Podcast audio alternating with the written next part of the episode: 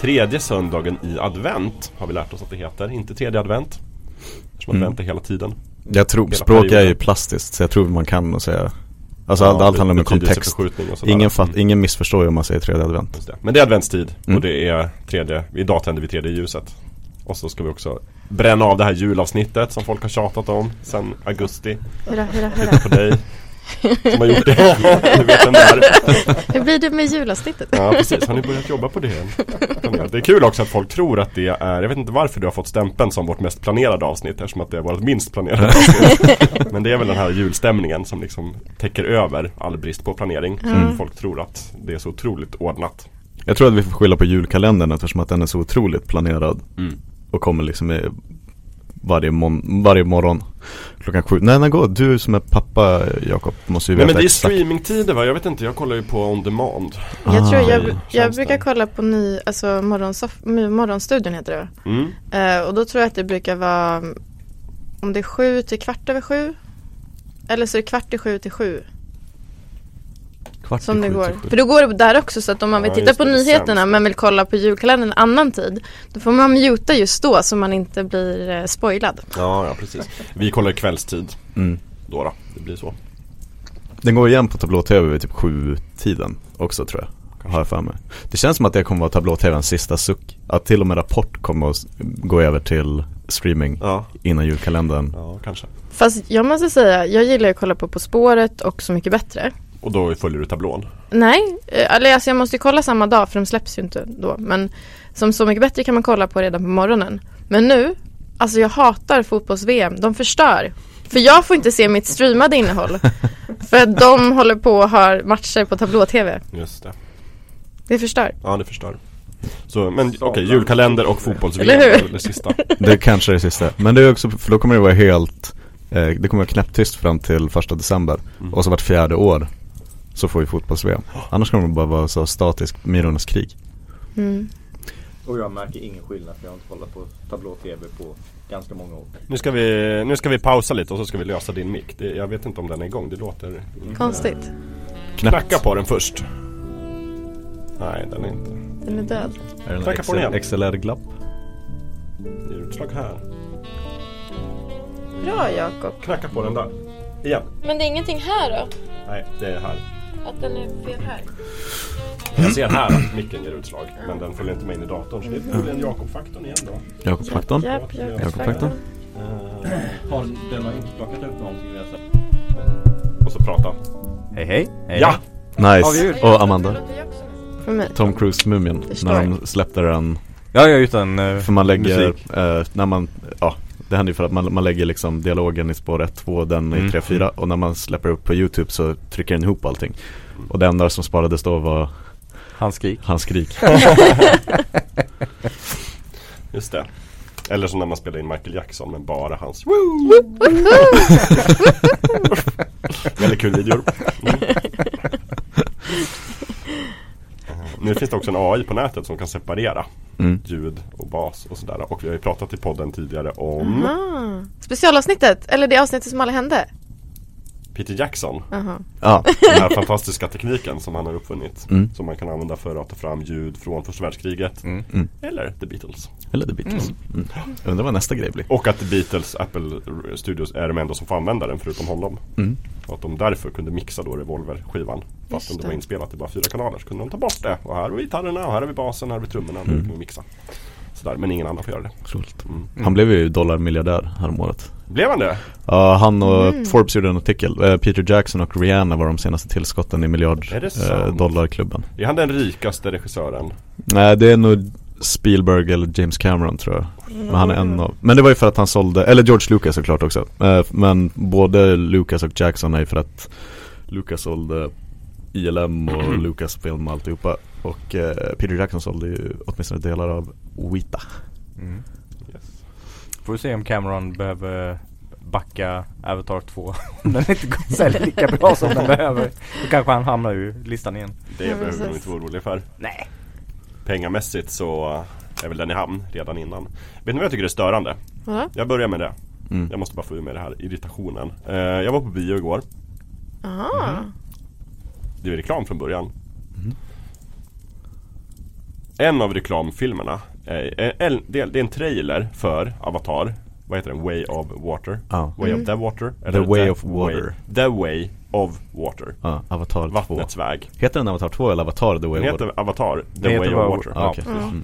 Vattnets väg Och en stor del av den filmen är ju att man ska få återkomma till Pandora och att det är en värld och att man ska liksom så här som Disney brukar köra på. Mm. In i en oförglömlig värld etc, etc. Det förstörs ju helt av att de precis innan trailern har reklam och att en av reklamen är en bilreklam för typ Mercedes som använder Avatar som är så här, de sponsrar filmen. Men då har ju de en billig reklam som också är från Pandora Fast med en bil. Och det förstör magin så totalt. Så du vill det är inte längre se extremt filmen? fult. Jag vill inte tillbaka till Pandora efter Nej. den reklamen. men alltså förstår ni? Det är lite som man har en Disney-film som har en trailer men sen har de också en McDonalds-reklam. Mm. Där de promotar filmen. Ja, Och då ser man inte liksom en kanto utan man ser de här billiga McDonalds-leksakerna med en kanto. just det. Det är Mm. inte riktigt samma nivå. Är det, är det reklam för en eh, fossilbränslebil? Eh, det vet jag inte. Jag tror bara det var märket så. De har Ah, säkert okej. både el, hybrid och bensin i sitt utbud. Ja för det, det hade jag kunnat störa mig på också. Ja. Om eh, Mm. liksom, magin Att det- hos, eh, en, budskapet i Avatar-filmen är ju ändå Någon sorts ekologisk. Ta hand om En naturen. Environmentalism Mm. Ja. Livets cirkel. Mm. Ja, jag tror inte ens att det var en bil i reklamen. Utan Okej. det var bara liksom så här, det var Pandora-vyer Fast Mm. mycket fulare än när James Cameron filmade. Men det hade de ju kunnat hjälpa till med. Ja. Typ, om de ska lägga dem sida vid Ja, sida. nej, det var, jag vet inte, det var bara fult. Men vad såg du Jakob? För film? Ja. Jag såg den här uh, Black Panther Wakanda Forever. Ah, Och jag kan säga redan nu att jag överraskades inte av den. nej. Jag tycker den var, jag vet inte, jag rycker på axlarna och säger den var väl bra. Jag tycker den var okej. Ja, den var okej. Absolut. Jag Helt kan inte säga någonting som var dåligt. Den var väl genomförd, bra filmad. Jag, jag tyckte det, det bästa var skådespelarna, karaktärerna. Mm. Jättebra. Mm. Och liksom settingen. Bra. Afrika lyckas med det. Ja. Det är inte bara liksom en science fiction-värld i djungeln utan det är, de lyfter upp mycket afrikansk kultur. Bra. Manuset, ja, det var helt vanligt. Marvel tillrättalagt Jag, jag började ju med att böla. Och jag slutade med att Ja, böla. när han dog. Ja, eftersom att han har gjort det på riktigt. Ja, Mm. Ja. Jason Chadwick. Nej, vad heter han? Chadwick Boseman. Ch- Chadwick Boseman. Vem är Jason? Oklart. Hans okända bror. Just det, precis. Ja, nej men det är klart, det var sorgligt. Ja, lite men jag så. tyckte de gjorde det ändå fint. Men det gick väldigt fort. Det var fint. Men, Men- bara den här själva plotten. Du vet att vi har Mm. vibranium, ingen annan har vibranium. Fast nu finns det ett undervattensrike med och vibranium. Och någon har uppfunnit en maskin som kan hitta vibranium. Och därför måste vi kidnappa den unga forskaren från ett land. Och så ska vi kriga. Fast varför ska vi kriga? Okej, ni har en vecka på er men ge oss forskaren. Fast innan ni har gjort det så ska vi anfalla på en bro. För vi jobbar så. Och nu ska vi kriga igen. Och sen kidnappar vi din prinsessa. Men då blir drottningen arg och lurar och sen så åker de dit och sen så bygger vi en rustning och sen så uppfinner vi någonting nytt och sen så är det liksom Fight, fight, fight Du skulle haft en spoiler alert här Ja, innan. men jag kan blipa det här bara Men jag tyckte också, Sen beep och och den var beep och de var beep. ja, men och det slutar med fight, fight, fight ja, Strid Så men då. jag tyckte det var tråkigt att så här, minoritetsgrupperna ska fighta varandra. Ja, Och att det blev någon så här, "Ja, ja ni får lösa ni kommer ändå dö- döda varandra så att vi kommer inte ha några problem. Alltså så här, jag vet inte, jag, jag, det tyckte jag var lite tråkigt. Hur gick eh, CGI-kurvan? Var det den klassiska Spike i den var jämn och hög skulle jag säga hög. Det var inte Mm. en flygande drake i slutet som är liksom mitt lackmuspappertest Ja. så här, Just har, har vi liksom investerat CGI-pengar på en flygande drake? Det hade de inte Är det Shang-Chi eh, effekten? Till exempel i den ja. Exakt. Och så. Nej men den var nog ganska, om det var någonting så var det en ganska återhållsam slutstrid CGI-mässigt. Ja, Och jag tyckte också att de löste det, för de var en hel del under vatten. Och Ja. det kan ju sluta hur som Mm, helst. mm, mm. Aquaman. Vilket vi Alla har inte James Camerons eh, resurser Nej, eller men, kunnande. men jag tyckte att de löste den, de, jag vet inte riktigt hur de hade löst det, men de löste det ändå rätt bra. De jobbade inte så mycket med allt hår som en medusa grej. Ah. Utan det, var, det såg ändå rätt återhållsamt ut. Mm. Och de var så lite i vattnet som möjligt. Ja. Ändå. Det svåraste tycker jag var när de åker ner till liksom det som i serierna var Atlantis men det som här var, hette något annat. Mm. Där Namor bor, undervattensfolket sådär. Det är svårt att bygga en undervattensstad om man inte tecknar. Eh, nu var ju den här nästan tecknad men Ja. liksom, ja, jag vet inte. Du kan ha snubblat in på när uh, Jason Momoa eftersom att han är Aquaman i DC Mm, Mm. just det. Där Jag försöker ge dig en väg Ja, ut här det. Ja, från ja, nej, men det var inte tänkt Nick- att Nicka jag, säger Tanken var inte att jag skulle recensera Wakanda Forever Men var bra, nu har jag sett den lite pliktskyldigt sådär Men jag var också så otroligt trött igår kväll Att jag nästan höll på att somna där i, i den svåra tredje akten mm. Just det. Vilken, vilken biosalong? eh, Vad heter det stället som ligger där ute?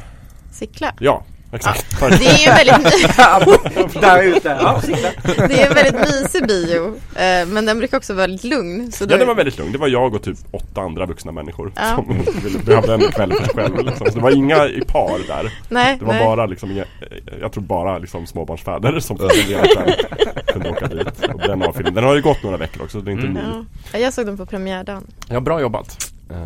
Men, men som sagt, ca- castingen är ju fem av fem tycker jag. Ja. Och karaktärerna är väldigt bra. Roliga. Mm. Kul. Nice Eh, ja, det var det. Men eh, hur mår ni andra då? Jo då. Okej, tack. Ja. Jag ska ändå försöka få vi ska försöka få med julstämningen i det här avsnittet. Men då kan, det jag, då kan jag faktiskt hoppa in, för jag har sett julfilm Berätta. eh, Förra söndagen så hade jag en riktig sån julsöndag. Jag upptäckte att Skansen är det bäst, absolut bästa med Stockholm. Jag har ju duckat Skansen i tio år. Ja. Men nu, nu har jag varit där två adventssöndagar i rad liksom. Eh, Tänkte göra det en tredje gång idag men nu missade jag det för att vi, jag sitter här istället. Men det gör inte mig någonting. Men förra söndagen så hade jag en riktig sån Jag tog hela julmarknaden Köpte julklappar Käkade sovas ehm, Vad är sovas? Alltså eh, ren älgkött eller renkött eh, så lite som en norrländsk kebab. Jaha, Mm, mm. ungefär som shawarma. Typ. Ja fast det, men det är typ eh, hjortronsylt och potatismos och mm, Otroligt gott. gott. eh, Och så sen så satt vi i någon stuga och lyssnade på gamla julsägner. När det satt någon sån gammal, gammal dam i folkdräkt Och berättade om oknytt och Mm. eh, julens ockulta inslag eh, Och då var jag så fylld av julen när jag kom hem att jag kollade på två julfilmer i rad. Du måste oj, dött av överdos. Ja jag vet, jag låg på golvet. Julöverdosen. Jag hade velat John Travolta komma med en sån adrenalinspruta i Så mycket kolesterol. um, Nej men jag såg två klassiker som uh, ni alla har sett också. Jag började med att titta på Santa Claus. Ja. um, Fantastiskt bra fortfarande. Den håller verkligen. Och jag, det är någonting med eh, Typ barnskådisar överlag på sent 80-tal och 90-tal Mm. Ja men typ McCulkin i Ensam Hemma Mm. och typ, alltså såhär, när barnskådisarna var av kalibern E.T. Mm. Ja, ja absolut. Jag tror det var därför Stranger Things blev så poppis för att de var exceptionellt bra igen. De var Mm. 90-talsbra. Um, så Santa Claus håller fortfarande väldigt bra. Tim Allen. Um, och så sen så såg jag en av mina absoluta favoritjulfilmer. Det är inte Love actually Jakob. Är eh, Miraklet i New York. Ja. Eller originaltiteln Miracle on 34th Street. ja, precis. Mm. Någon gata. Mm. Men inte, det finns ju två Originalet är ju från typ 1947 eller Ja. någonting Eh, Men det här är den som är från 94 kanske den till och med är ifrån Mhm. Med uh, Attenborough-brorsan Mm. Inte David utan Richard? Tim. Mm. Tim? Richard Attenborough Eh, Alltså eh, Jurassic Park-ägaren. I den filmen Mm. Um, och för er som inte har sett den, om det finns någon uh, stackars sate som lyssnar på fyllkultur och tänker vad är det där för film? Eh, så Attenborough spelar en sån mål-Santa i New York. För att, eh, ja, den som ska vara tomte är bara super ut och är skitdålig på det. Mm. Eh, men han uppger Kanske är i sig samma som... cinematic universe som Bad Santa. Kan vara. Kan Också vara. väldigt Också många, väldigt det är väl liksom klassiker att de där köpcentertomtarna är superuter. Ja. Mm. Mm. Verkligen. Okej. Men kruxet är ju bara att han presenterar sig själv som Chris Kringle Och säger att han är den riktiga jultomten Ingen, alla tror ju bara att han är excentrisk gubbe liksom Mm. Mm. Ehm, Och så sen så blir det eh, Då köpcentrat där han är tomte Blir otroligt uh, framgångsrikt För att han sitter där och är världens bästa jultomte Mm. För att han är ju den riktiga jultomten, Mm. eller? Eh, så det, det är en väldigt läcker film med att den slutar i någon typ av legal courtroom drama Just när det, de ska ja, fastställa ifall han får utge sig för att vara den riktiga tomten eller om vi ska slussa iväg honom till någon typ av hem Nordpolen. Eh, Exakt Eh, Men det, det är en av de vackraste julfilmerna som finns Eh, Och alla är så otroligt 90-talssnygga Mm. Mm. Eh, Och de gör någonting, jag vet inte om det är en callback till 47 originalet Men ljussättningen på ansiktena är så film noir när det är upplyst där vid ögonen och näsan. Ja, ja. Mm, mm. Så är det väldigt, eh, så egentligen alla scener där folk pratar så sitter de i en sån Ingrid Bergman-lutning, Snyggt. tala in i kameran. Eh, så eh, om ni ska se en julfilm den här, förutom Love actually så se. Miraklet i. New York. Men det är sant Amanda, jag tror jag höll på att överdosera på Ja, det lät verkligen som, du hade, du hade så här, eh, vad heter det, eh, dina vener skulle ha fyllts med risgrynsgröt istället för blod. Ja, Så, så, så långt har jag kommit än, jag kommer att se typ 14 till julfilmer innan julafton. snyggt. Men jag tänkte jag skulle ändå ge, vilja ha någon sorts skala här liksom var, hur mycket jul har ni hunnit med? Du låter ändå som att du ligger väldigt högt på den 11 av skalan. 10 just nu. 11 Ja, av 10. gud, verkligen. Bra. Amanda du då? Du är också julkär. Mm, det är jag. Jag har inte kollat på en enda julfilm än. Eh, inte alls. Men jag har tagit fram, jag har bytt gardiner så jag har röda gardiner. Mm. Jag har bytt soffkuddarna så att de är gråa och röda. Mm. Jag har ställt fram lite småtomtar och tagit fram mina ljusstakar och eh, så. Och sen så hade jag julfika igår. Jag jag har bakat otroligt mycket lussebullar. Måste säga Amanda, du ser väldigt pigg ut för att vara 85. jag, jag har i alla fall inte mina broderade så, vad heter det, så här löpare. Det har jag inga. Men annars så, Men du jobbar på det? ja absolut. Så prognoskurvan känns ändå som att den eh, klättrar stadigt där inne. Ja, ja. Men jag, alltså jag sörjer ju att jag, jag brukar ju vilja ha en gran. Och så blir det en bananasgran, alltså det blir hur mycket som helst. Men jag vågar inte med mina två katter som är helt galna. För den, det skulle bli liksom kaos. Mm. Mm. Så det är väldigt, väldigt ledsen över att jag inte har en gran hemma. Ja, det var tråkigt. Skulle de gå bananas om du hade en plastgran? Alltså ja, ja absolut. Alla kulorna, de ska, det, jag har också liksom äventyrskatter, de, det hade inte gått tror jag. Så är jag lite så här, man kanske ska ställa in en gran utan någonting Mm. och se hur de, så kan man liksom nästa år kanske man kan hänga på några kulor. Jag tror oavsett gran, det kommer bli som Piff och Puff. Ja, Ja. det finns nog en risk. Får jag bara, supersnabbt om granar, för jag har en kollega som jag inte ska nämna namnet på De eh, brukar gå de äger land, så de brukar gå ut innan julen med varsitt hagelgevär och skjuta en gran Va? Va? Ja, för alltså om man, du vet, eh, point blank Mm. på stammen, om man skjuter en gran med hagelgevär så studsar den liksom upp som att den är med i ett Mario-spel Men, men? Vem har då lärt dig det här? en- Eller hur visste du det Då här? behöver man ingen yxa, det är fördelen. Man behöver ingen yxa, eh, för, så det är bara pum och så sen så ligger den där eh, Och man får också vara av all snö för att den liksom ruskas till när man skjuter den Det här vill jag Eh. se. Kan jag bli inbjuden Det finns till? Ja, du, ja, Alltså, Ja, ja.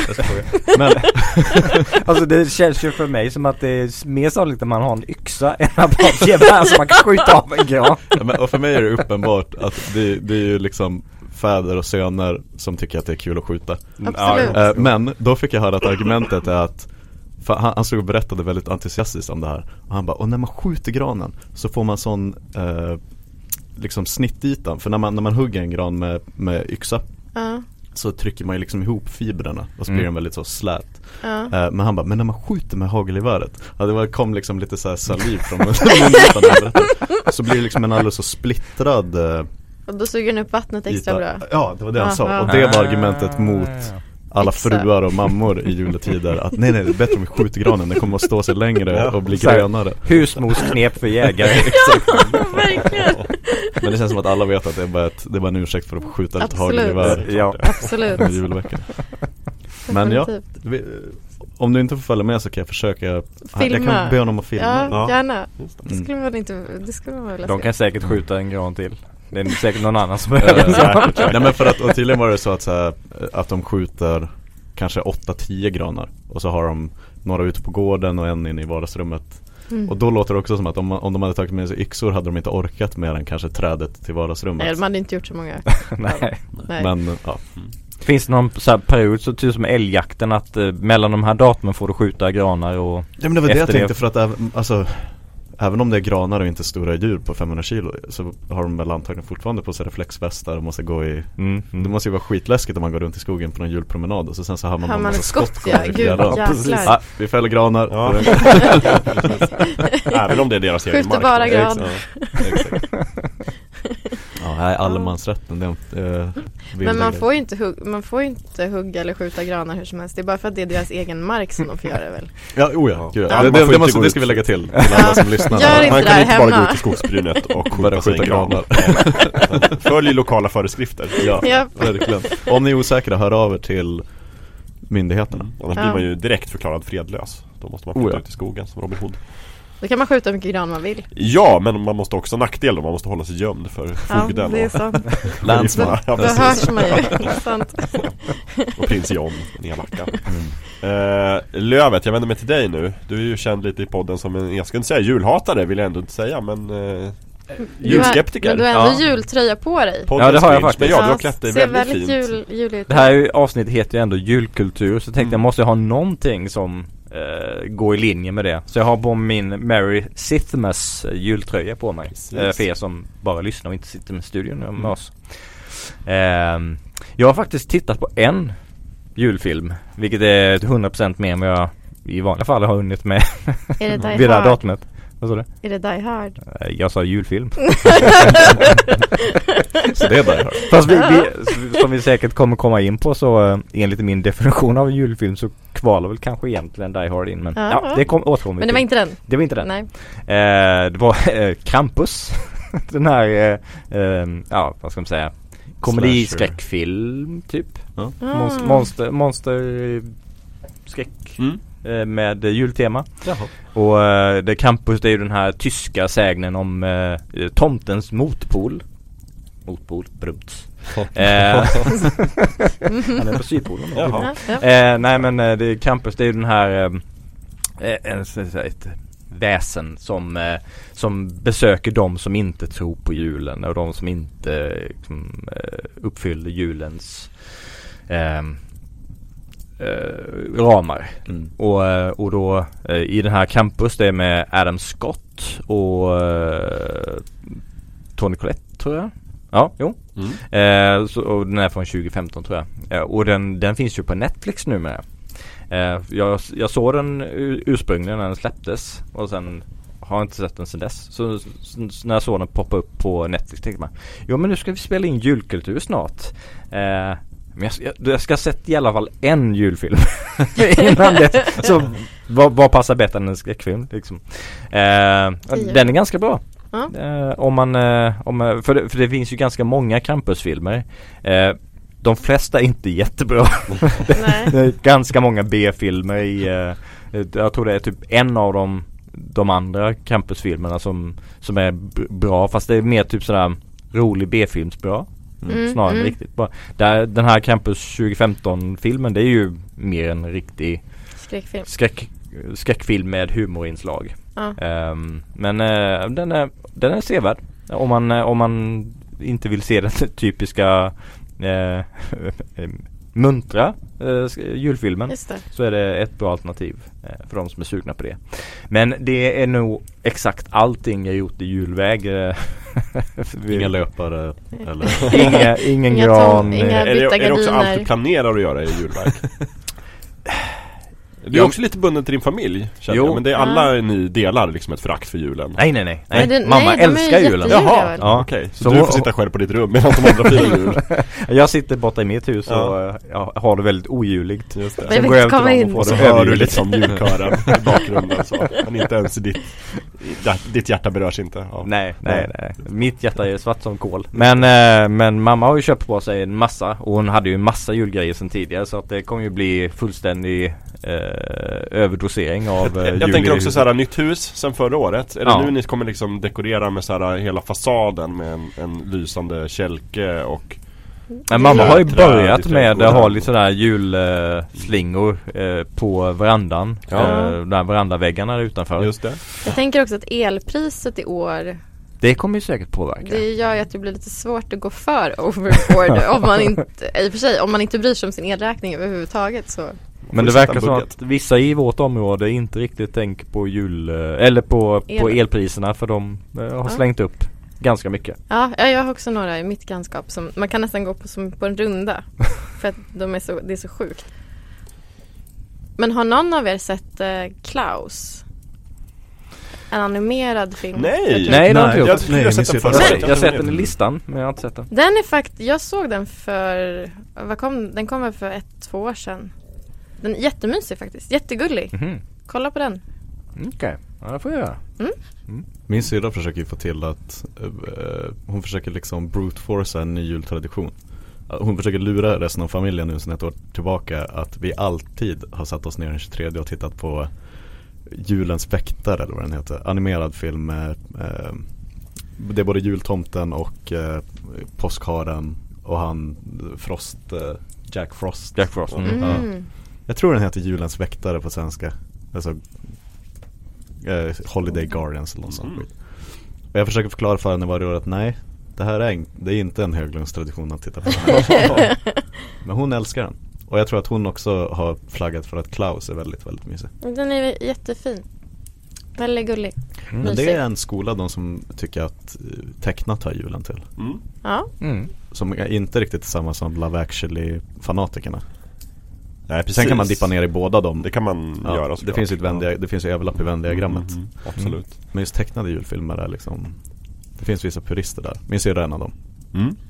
Men jag tycker att vi dy- dyker in, jag skulle ändå vilja höra era tankar om det där för att jag har lagt det lite senare i körschemat. Men vi behöver inte bunda till det, jag tycker att ni alla lyft julfilmer så att Mm. Istället för att gå in i den här infekterade och känsliga diskussionen om vad som är en julfilm ska vi inte lyfta på, så skulle jag ändå vilja höra era tankar om vad som är en bra julfilm. Liksom så här, tecknat faktorn sa du, är det kan man tycka att det är en faktor som gör en film mera julig? Eller är det just den här liksom Mm. fina stämningen Som i den här miraklet på 34th 34th Street eh, Klaus Jag tror att Eller är det skräck och liksom såhär, den är mera vad, gör en, vad gör en julfilm bra julfilm?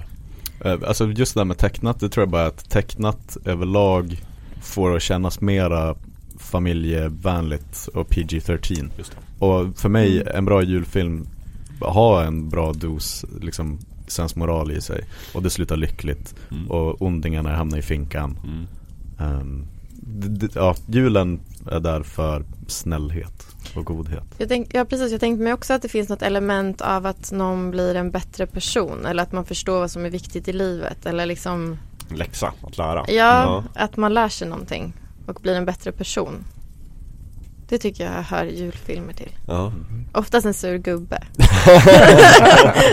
Som som smälter och blir världens mysigaste. Just det. ja. Vad heter den här superklassiska julfilmen? ja, med, med Scrooge Ja, Ja, Eller? nej Vilken tänker du på? Nej, du tänker på Livet underbart i Ja, fall. exakt, Mm. ja precis, just det mm. Den är, och det ser jag också mycket att om det är någon gång jag förlåter liksom väldigt så kristen sensmoral Mm. Så är det julfilmer Där är, Då är det okej. är det, Det finns ändå verkligen vissa religiösa förtecken i jultraditionen. Oh, ja. mm. Ja, Jag skulle säga att det är huvudsakligen två saker som jag uppskattar i, i, julfilmer. Det ena är om liksom någonting som utforskar eh, en- att man anti, antingen familj eller en, en, en, an- en protagonist som, som kämpar med någonting. Eh, och återvänder till om det är sin familj eller till ett förhållande eller vad som helst. Liksom att de, det här julstämningen av att öv, överkomma sina problem Mm. och komma till, tillbaks till familjen på något sätt. Då är det här för det här, man, enligt den definitionen så skulle ju Die Hard kunna vara en julfilm. Absolut, absolut. Jag, vet, jag tycker ändå inte det men det, jag köpa om man använder min argumentation mot mig.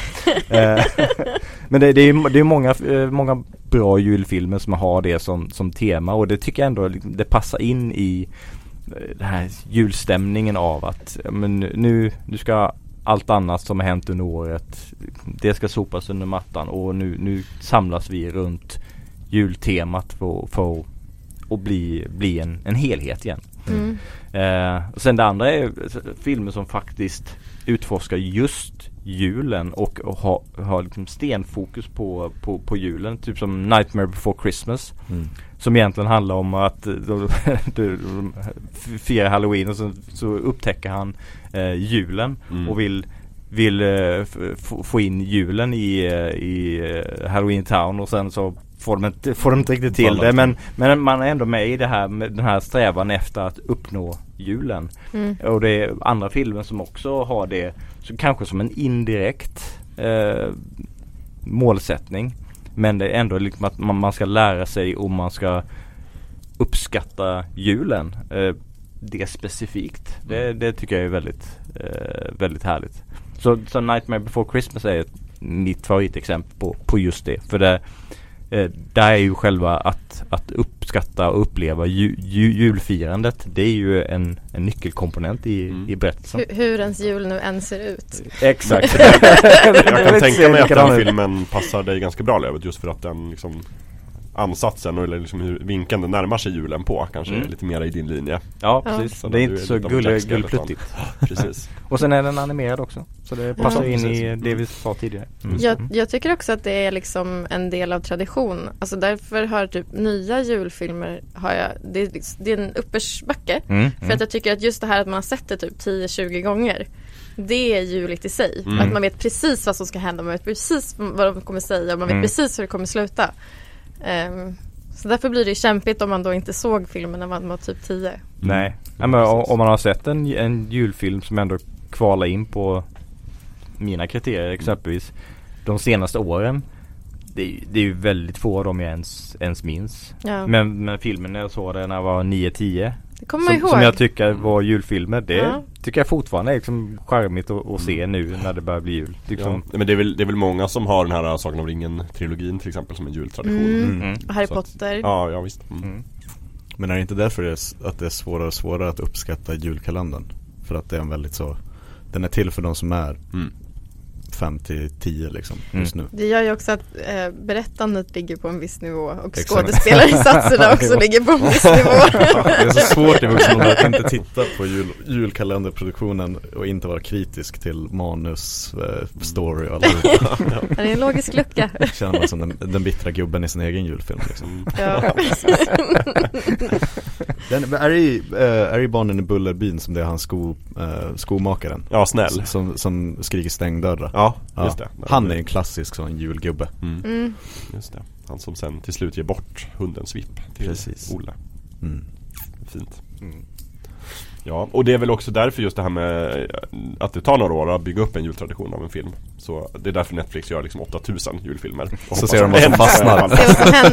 För att, alltså jag scrollade lite i Netflix häromdagen och Alltså jävlar de trycker ut julfilmer. Och de är också väldigt dåliga. Ja, och det verkar också vara så så här, vi ska, de verkar ha gjort en grej av att vi ska göra riktigt dåliga julfilmer. Ja, Och jag har ju ändå kollat igenom alla tre Christmas Prince-filmerna. bra jobbat Jakob. Och, och Tog tycker kul att här laget. var vi väl ändå klara Netflix. Men de var inte det utan vi, någonsin ska vi göra liksom åtta till. Det är sant, de är ju nästan, de börjar närma sig den där, eh, vad fan heter det, Hallmark? Ja. Eh, Ja, börjar exakt, närma ja. sig den Det är som ett, bara dåligt avsnitt av eh, någon serie på femman Nej men om de fortsätter där så kommer ju liksom 90% av Netflix-materialet vara julfilmer. Och då Mm. kommer Ja. de verkligen vara så här, ja men det är den här jultjänsten. Då kommer folk bara ha Netflix-konto i december. Mm. Men jag Ja. fattar ju varför, för det måste ju vara väldigt bra return on investment om man får en som befäster sig i Pantheon av Ja, julfilmer Mm. Kan man bara ja. snurra den utifrån hade- vad jag har sett så har de en bit kvar. Ja men hade det då inte varit liksom mer värt att bara samla allting på en film och göra den riktigt bra istället för att slänga ut 12 Jag stycken halvkassa? inte. Lägga 10 miljoner på en bra julfilm eller en miljon på 10 dåliga julfilmer. Jag vet inte Ja. vad som är mest värt. Nej, det kanske är någon typ av AB-testning som Ja. inte vi vet om. Ja Ja för de, de, ändå, de har ju förlorat eh, prenumeranter Netflix Mm. eh, Och så de har tvungna att släppa den här gratisnivån Mm. Det här kanske är deras nya strategi, liksom jäkla massa content Som kanske passar Någon. någon i den här större Ja. gruppen som vi vill komma åt Men det är inte kanske ny, jag tänker de har gjort de här julfilmerna några år. Det här kanske är på grund av den här strategin som de Ja. måste Som de har tappat. de, de har väl ändå rampat upp den del på Ja. senaste Ja. tycker jag Ja. Men och de andra streamingtjänsterna gör väl inte det vad jag vet Jag har inte sett att det kommer en hel Nej. uppsjö av julfilm, julmaterial Nej. HBO gjorde ju mera, du vet den där väldigt uppskattade eh, När alla från Harry Potter samlades Just Just det. Mm. De gör nog mera den Och så gjorde de väl, for. eller det var inte de som gjorde Vänner och Jo, typ den fanns där och. Fresh Prince of Bel-Air. Jo. De Mm. mjölkar nostalgi på ett annat sätt Ja. Men det- alltså för att eh, mina kompisar som pysslar med musik Vi brukar alltid ha samma snack när julen kommer om att Drömmen att göra en tänd ett ljus dänga Ja. Som kommer tillbaka varje jul ja, just det. För då har man eh, liksom en stomme av royaltypengar Mm. och så kan man jobba på sina flummiga Just det, konstprojekt precis. Eh, Jag menar Mariah Carey till exempel Mm. All I want for Christmas is you Ja, hon, lever ju hon, gott, hon lever ju gott på, den Bara sitt tur, precis. Ja, Det är väl också i den här boken About a Boy så handlar det ju om en En Ja! av huvudpersonerna där. Hans pappa skrev ju en känd jullåt Mm. som han hatar då men han Den är är ju ju julig. ekonomiskt oberoende på grund Ja. av det. Mm. Och det måste vara samma sak, tänk om någon hade tagit, nu vet jag inte om de har gjort, men tagit en sån, jag ska ha 5% av brutto eh, intäkterna från Love actually Mm. Bill Nye Mm. till exempel Mm. Just det. Det måste ju vara drömmen, för Mm. då kan man bara göra sina indiefilmer resten av livet det. Ja, det är det Netflix hoppas på att de vill liksom Exakt Mm. slå guld. Mm. Smida guld. Men eh, jag tänkte faktiskt på det när, när eh, Guillermo del Toros Pinocchio film dök upp häromdagen. Jag har inte sett den än men den har ju fått ganska bra mottagande. Ja den hade premiär nu bara i förrgår typ. Mm. Ja i förrgår precis. Och då, då tänkte jag om, om den är nu, jag har inte sett den men om den är ju jä, jättebra och det är, får, folk ser den för, första På gången nu i jul, ja. december så kanske Mm. den, den skulle kunna, kanske kunna bli någonting Ja. som om, den, om 10-12 Ja. år så kanske de som var barn eller unga människor nu tänker tillbaka som liksom, ja men Netflix Pinocchio eh, Den, oj oj oj, den är men den har julfilm. väl bra julfilmsgrund? Alltså Ja, men- sur, ja, eller, och så lär man sig en livsläxa vad livet egentligen är värt och vad man ska sträva efter och Mm. allting sånt. Jo men och liksom där med eh, någon som blir en, en riktig liten pojke, Pojke, och, ja. Jag har inte sett så jag vet inte Det exakt finns vilken väl eh, del av definitivt en sur gubbe? Ja ja, oh, Ja, eller hur? Mm, mm. Du ser. Ja, och det är, det är ju hela familjetemat med Ja. eh, att han, han ska bli en riktig pojke för han har ju eh, den här eh, eh, Vad heter gubben? Eh, har Geppetto Geppetto, just det. Mm.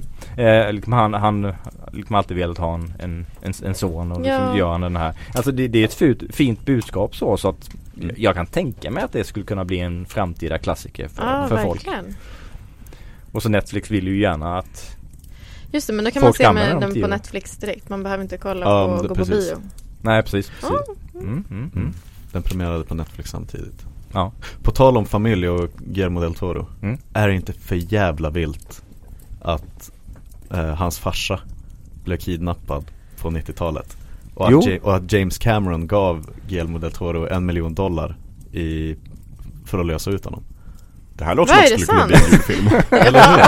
Ja, Nej men för att eh, jag sitter ju nu och plågar er i slacken Kan vara för alla lyssnare att veta Jag frågar ju er en gång i veckan om ni är redo för Avatar-tiondet Mm, mm, mm. Ehm, Och då var det Guillermo del Toro hade ju lagt upp en tweet Där han Just. sa såhär, åh, en mästare på toppen av hans förmåga Mm. Helt otrolig film Och då gled ju alla bittra eh, människor på Reddit fram och sa nej nej, han är biased För att James Cameron räddade livet på hans På Guillermos Mm. pappa Ja, typ 97 Det är väl Jag- också jag läste legit artikel om det där.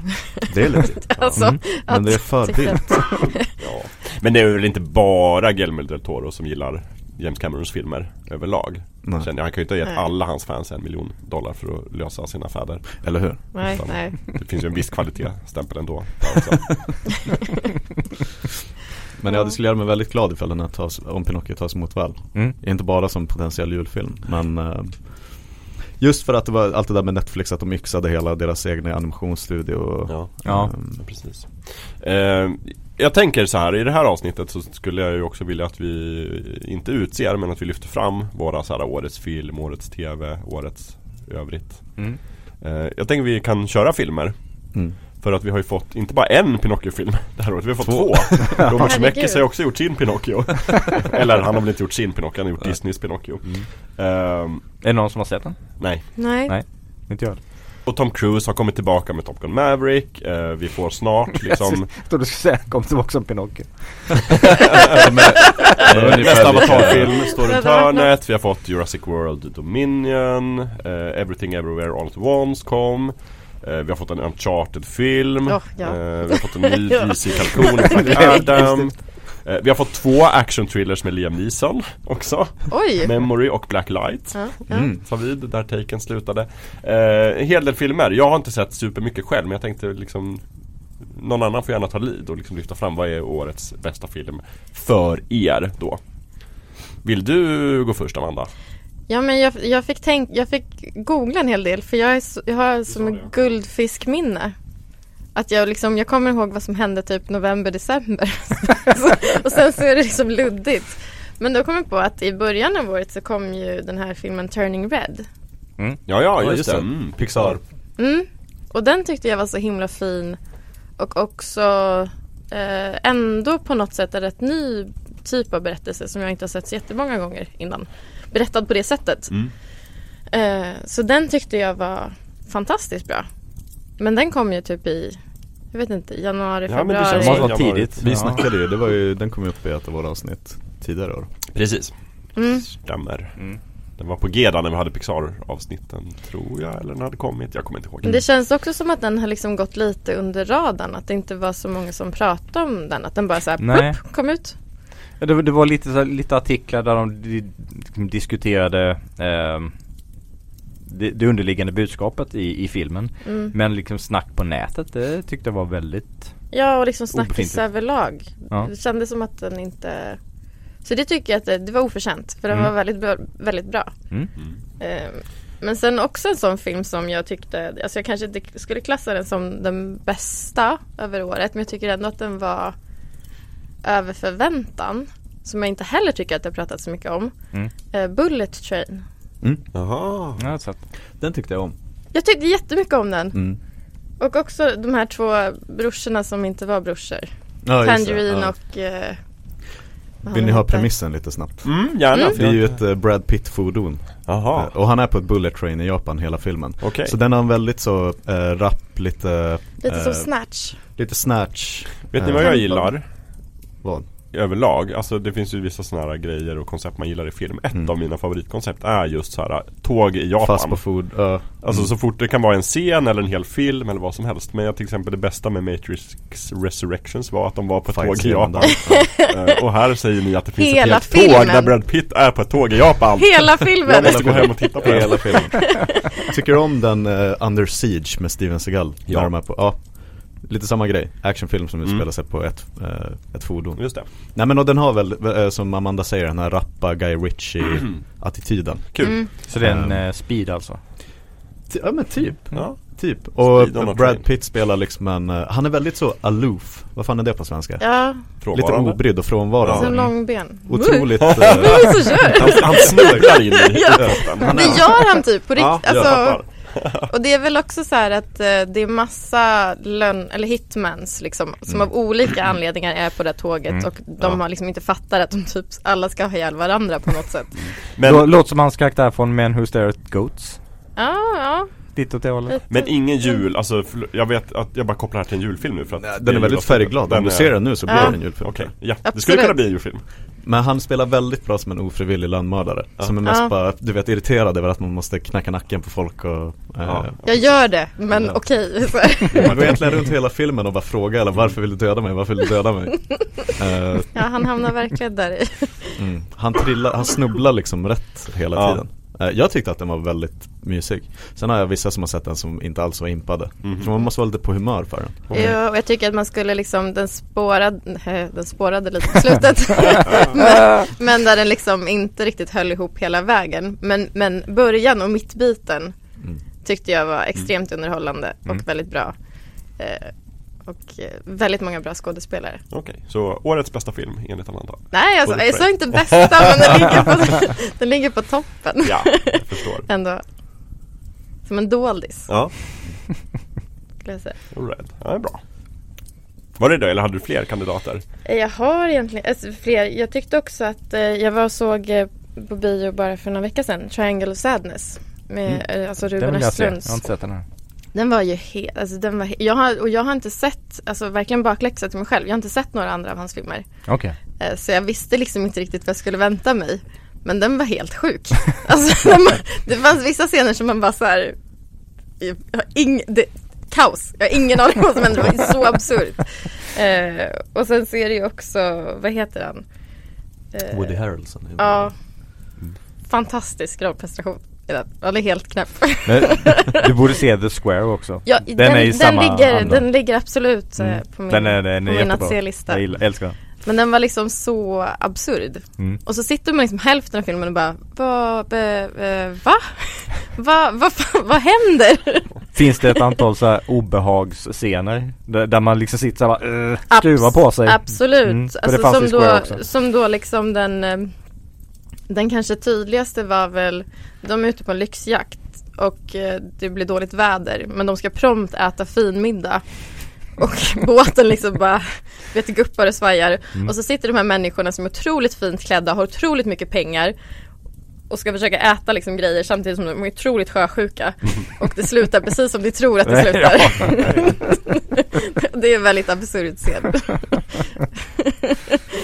Ja, det måste jag se. Men Ja. du, har ju ditt jullov utstakat nu Amanda Om du ska titta på Ruben Östlunds andra filmer Ja, ja. Turist är ju fantastisk Eh, Men eh, det här är inte min analys heller Men han har haft en lite så kurva att Hans senaste filmer går ju mer mot satir Mm. Än bara att kommentera Social ångest och grejer är ju verkligen han, det han är expert på Mm. Men de första typ Många tycker väl att hans, många eh, Att hans eh, film De ofrivilliga Liksom kanske fortfarande är bäst Lite så här samma som när folk pratar om Tarantino Att han har verkligen Det har blivit mycket Tarantino på sistone Mm. Men att kanske Reservoir Dogs var lite mera sparsmakat Mm. Mm. Eh, Men han är otroligt duktig, han är ju verkligen the talk of the town i Hollywood nu Alla Mm. vill jobba med Ruben Östlund, Alla. Mm. alla Verkligen. Jag tycker bara att det är sjukt att, vi, har- att det finns en film Där Henrik Dorsin spelar mot Woody Harrelson Ja, ja, alltså gud, gud ja. Men på tal om, om Woody Harrelson, jag, min, jag skulle ju gärna vilja se en film där Woody Harrelson och Matthew McConaughey spelar tillsammans. För jag tycker de är så lika, ibland alltihop dem Men de är, är inte Finns det det någon film de True Detective? Serie? Serie, äh, Är de med där båda två? Första säsongen, de Ja, är jag har inte sett partners. True Detective. Den är jätte, Det är en jätte, jättebra. jätte, jättebra första En av de säsongen. bästa Ja, ja, ja. Alla säsongerna säger tv någonsin Mm. Det är de två Men också han, han Men jag skulle också är- vilja ha in alla Wilson-bröderna. Ja. De är också lite lika. Ja, de är också lite Ja. lika. Usch. Men skurken i första säsongen av True Detective. Den Ja, obehagligaste, fantastisk. också den obehagligaste skådespelaren typ som finns. Mm. Mm. Alla hans roller han spelat. Mm. Usch. Det har du något att se på du också Jakob? i- i- Ja, men jag såg liksom True Detective så här, det var så spritt. Jag tror det var när vi fick barn nummer två så tror jag att Tove kollade mycket på True Detective och jag liksom bara gick igenom rummet ibland när det var. Så jag Playa fick och grejer plock Mm. av det och så Mm. bara tänkte det här verkar alldeles för True crime-aktigt. Nej, det är faktiskt riktigt bra för. Men den är Kanske för sent. Men jag ska se den, okej jag tar den på min lista. Jag skriver upp den. Okej, fler årets film då. Du får eh, faktiskt Gustav gå ta vid här. Ehm, Vi hade ju ett helt avsnitt av Top Gun Maverick Så Japp. ingen kommer bli, bli förvånad när jag säger att det är en av årets absolut bästa filmer Ehm, Sen måste jag också slänga in Everything Everywhere All At Once Mm. Som kanske, eftersom att Maverick är en uppföljare Som jag tyckte var helt otrolig Men det är verkligen så här uh, A24 går från klarhet till klarhet Mm. Kanske bäst exemplifierat i år av Everything Everywhere All At Once Ehm, Som är, den är en fantastiskt bra film Mm. Och så väldigt egen och originell Och det uppskattar jag alltid Mm. Och det, ska man beskriva den filmen? Det är så, eh, Korvfinger. ja, korvfinger precis.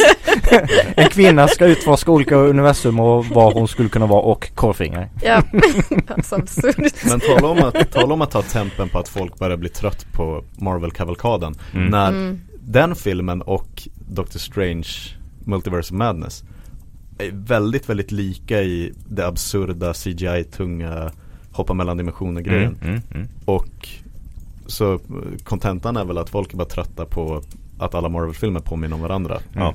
För alla älskade ju den här skiten liksom Mm. Mm. Ehm, Och jag hoppas, hoppas, hoppas verkligen att eh, Han som spelar maken, alltså som spelar short round i Indiana Jones, Mm. Temple of Doom Nu glömmer jag namnet på honom Men snacket nu lite inför Oscarsgalan att han har bästa supporting actor Ja. Mm. låst liksom Och han har ju inte skådespelat på typ 20 år Nej, det var Mm. väldigt roligt han, att se han, honom. han var standout i den filmen. Jag Ja, tycker att han och, han och dottern, alla spelade skitbra. Michelle Yeoh, är- Mm. jag älskar henne. Ja. Men dottern och pappan tyckte jag var Och Jamie Lee. Curtis och Ja. alltså jättemånga bra prestationer i den här Jag filmen. måste säga att Ja. Jamie Lee Curtis roll i den här filmen påminner om skurken i True Detective. Ja, ja, Mm. I ja, liksom bara att vara obehaglig, Mm. ja, faktiskt. stor kroppshydda liksom. Mm. Ehm, så de två. Sen vill jag bara flagga för att jag har inte sett uh, Hjälp mig med titeln nu Lövet. A Banshee of uh, Uh, Inisherin. Inisherin. Mm. Just det. Ehm, med eh, Colin, Colin Farrell. Colin Farrell och Mm. Gleason Mm. Pappa Gleason, in, inte Domhnall Nej. Som jag, om jag skulle se den innan det här avsnittet kan det vara så att jag har sagt det är den bästa filmen i år. Ehm, Och så sen så har jag inte heller sett Beavis and Butthead Do, do the Universe. Nu jag skrattar ni här, nu skrattar ni här men den har, den har typ 97% på Rotten Tomatoes. Ja, jag har sett den, har kommit högt, när jag googlade då igår. Mm. så kom den faktiskt med på några listor. Så jag bara flaggar för att de två kanske hade men, men jag måste nog säga att de, de två standoutsen i år är nog Top Gun Maverick och Everything Everywhere All At Once Ja. Och där faller jag väl typ in i den stora, stora majoriteten Det är, det är inte en kontroversiell topp Nej, precis. Någonstans. Nej. Men så är det, ibland så får man bara följa strömmen Mm. Och jag kommer tycka vara supertråkig och ta samma filmer för jag tycker att uh, Top Gun Maverick var bästa liksom comebacken som jag Mm. såg Everything Everywhere All At Once var mest oväntade roliga biobesöket som jag såg Mm. Och jag kan på förhand utse Avatar The Way of Water till årets film Bara mig på liksom gamla meriter Det är väl nästan lag på det när James Cameron gör en film så att jag, jag Kommer den, gå, den. kommer den gå att se i, i 3D? Ja det tror jag. Ja det tror jag Ja. mm. Hela Ja. Mm. den, När vi spelar in det här så har den ju premiär om tre dagar Oj. Det kommer bli, det kommer bli stort. Avatar-årtiondet verkligen. Nej men och Michelle Yeoh bara Bara hon är ju skäl att se den här uh, The Witcher prequel Ja, Ja! det, serien det som kommer. snart också. mm. Det är så mycket på Jättebra. ingång. Ja, är kul. Vad, vad säger du Lövet? Din gamla filmtittare. Ja, jag, jag satt, när jag satt och funderade på det här både när det gäller filmer, tv-serier och, och spel. Jag har tittat på jättemycket bra och jag har spelat jättemycket bra. Hur, hur ska jag kunna avgöra vad som har varit bäst av det här? För det är ju lite olika skapelser, lite olika genrer, olika upplevelsetyper.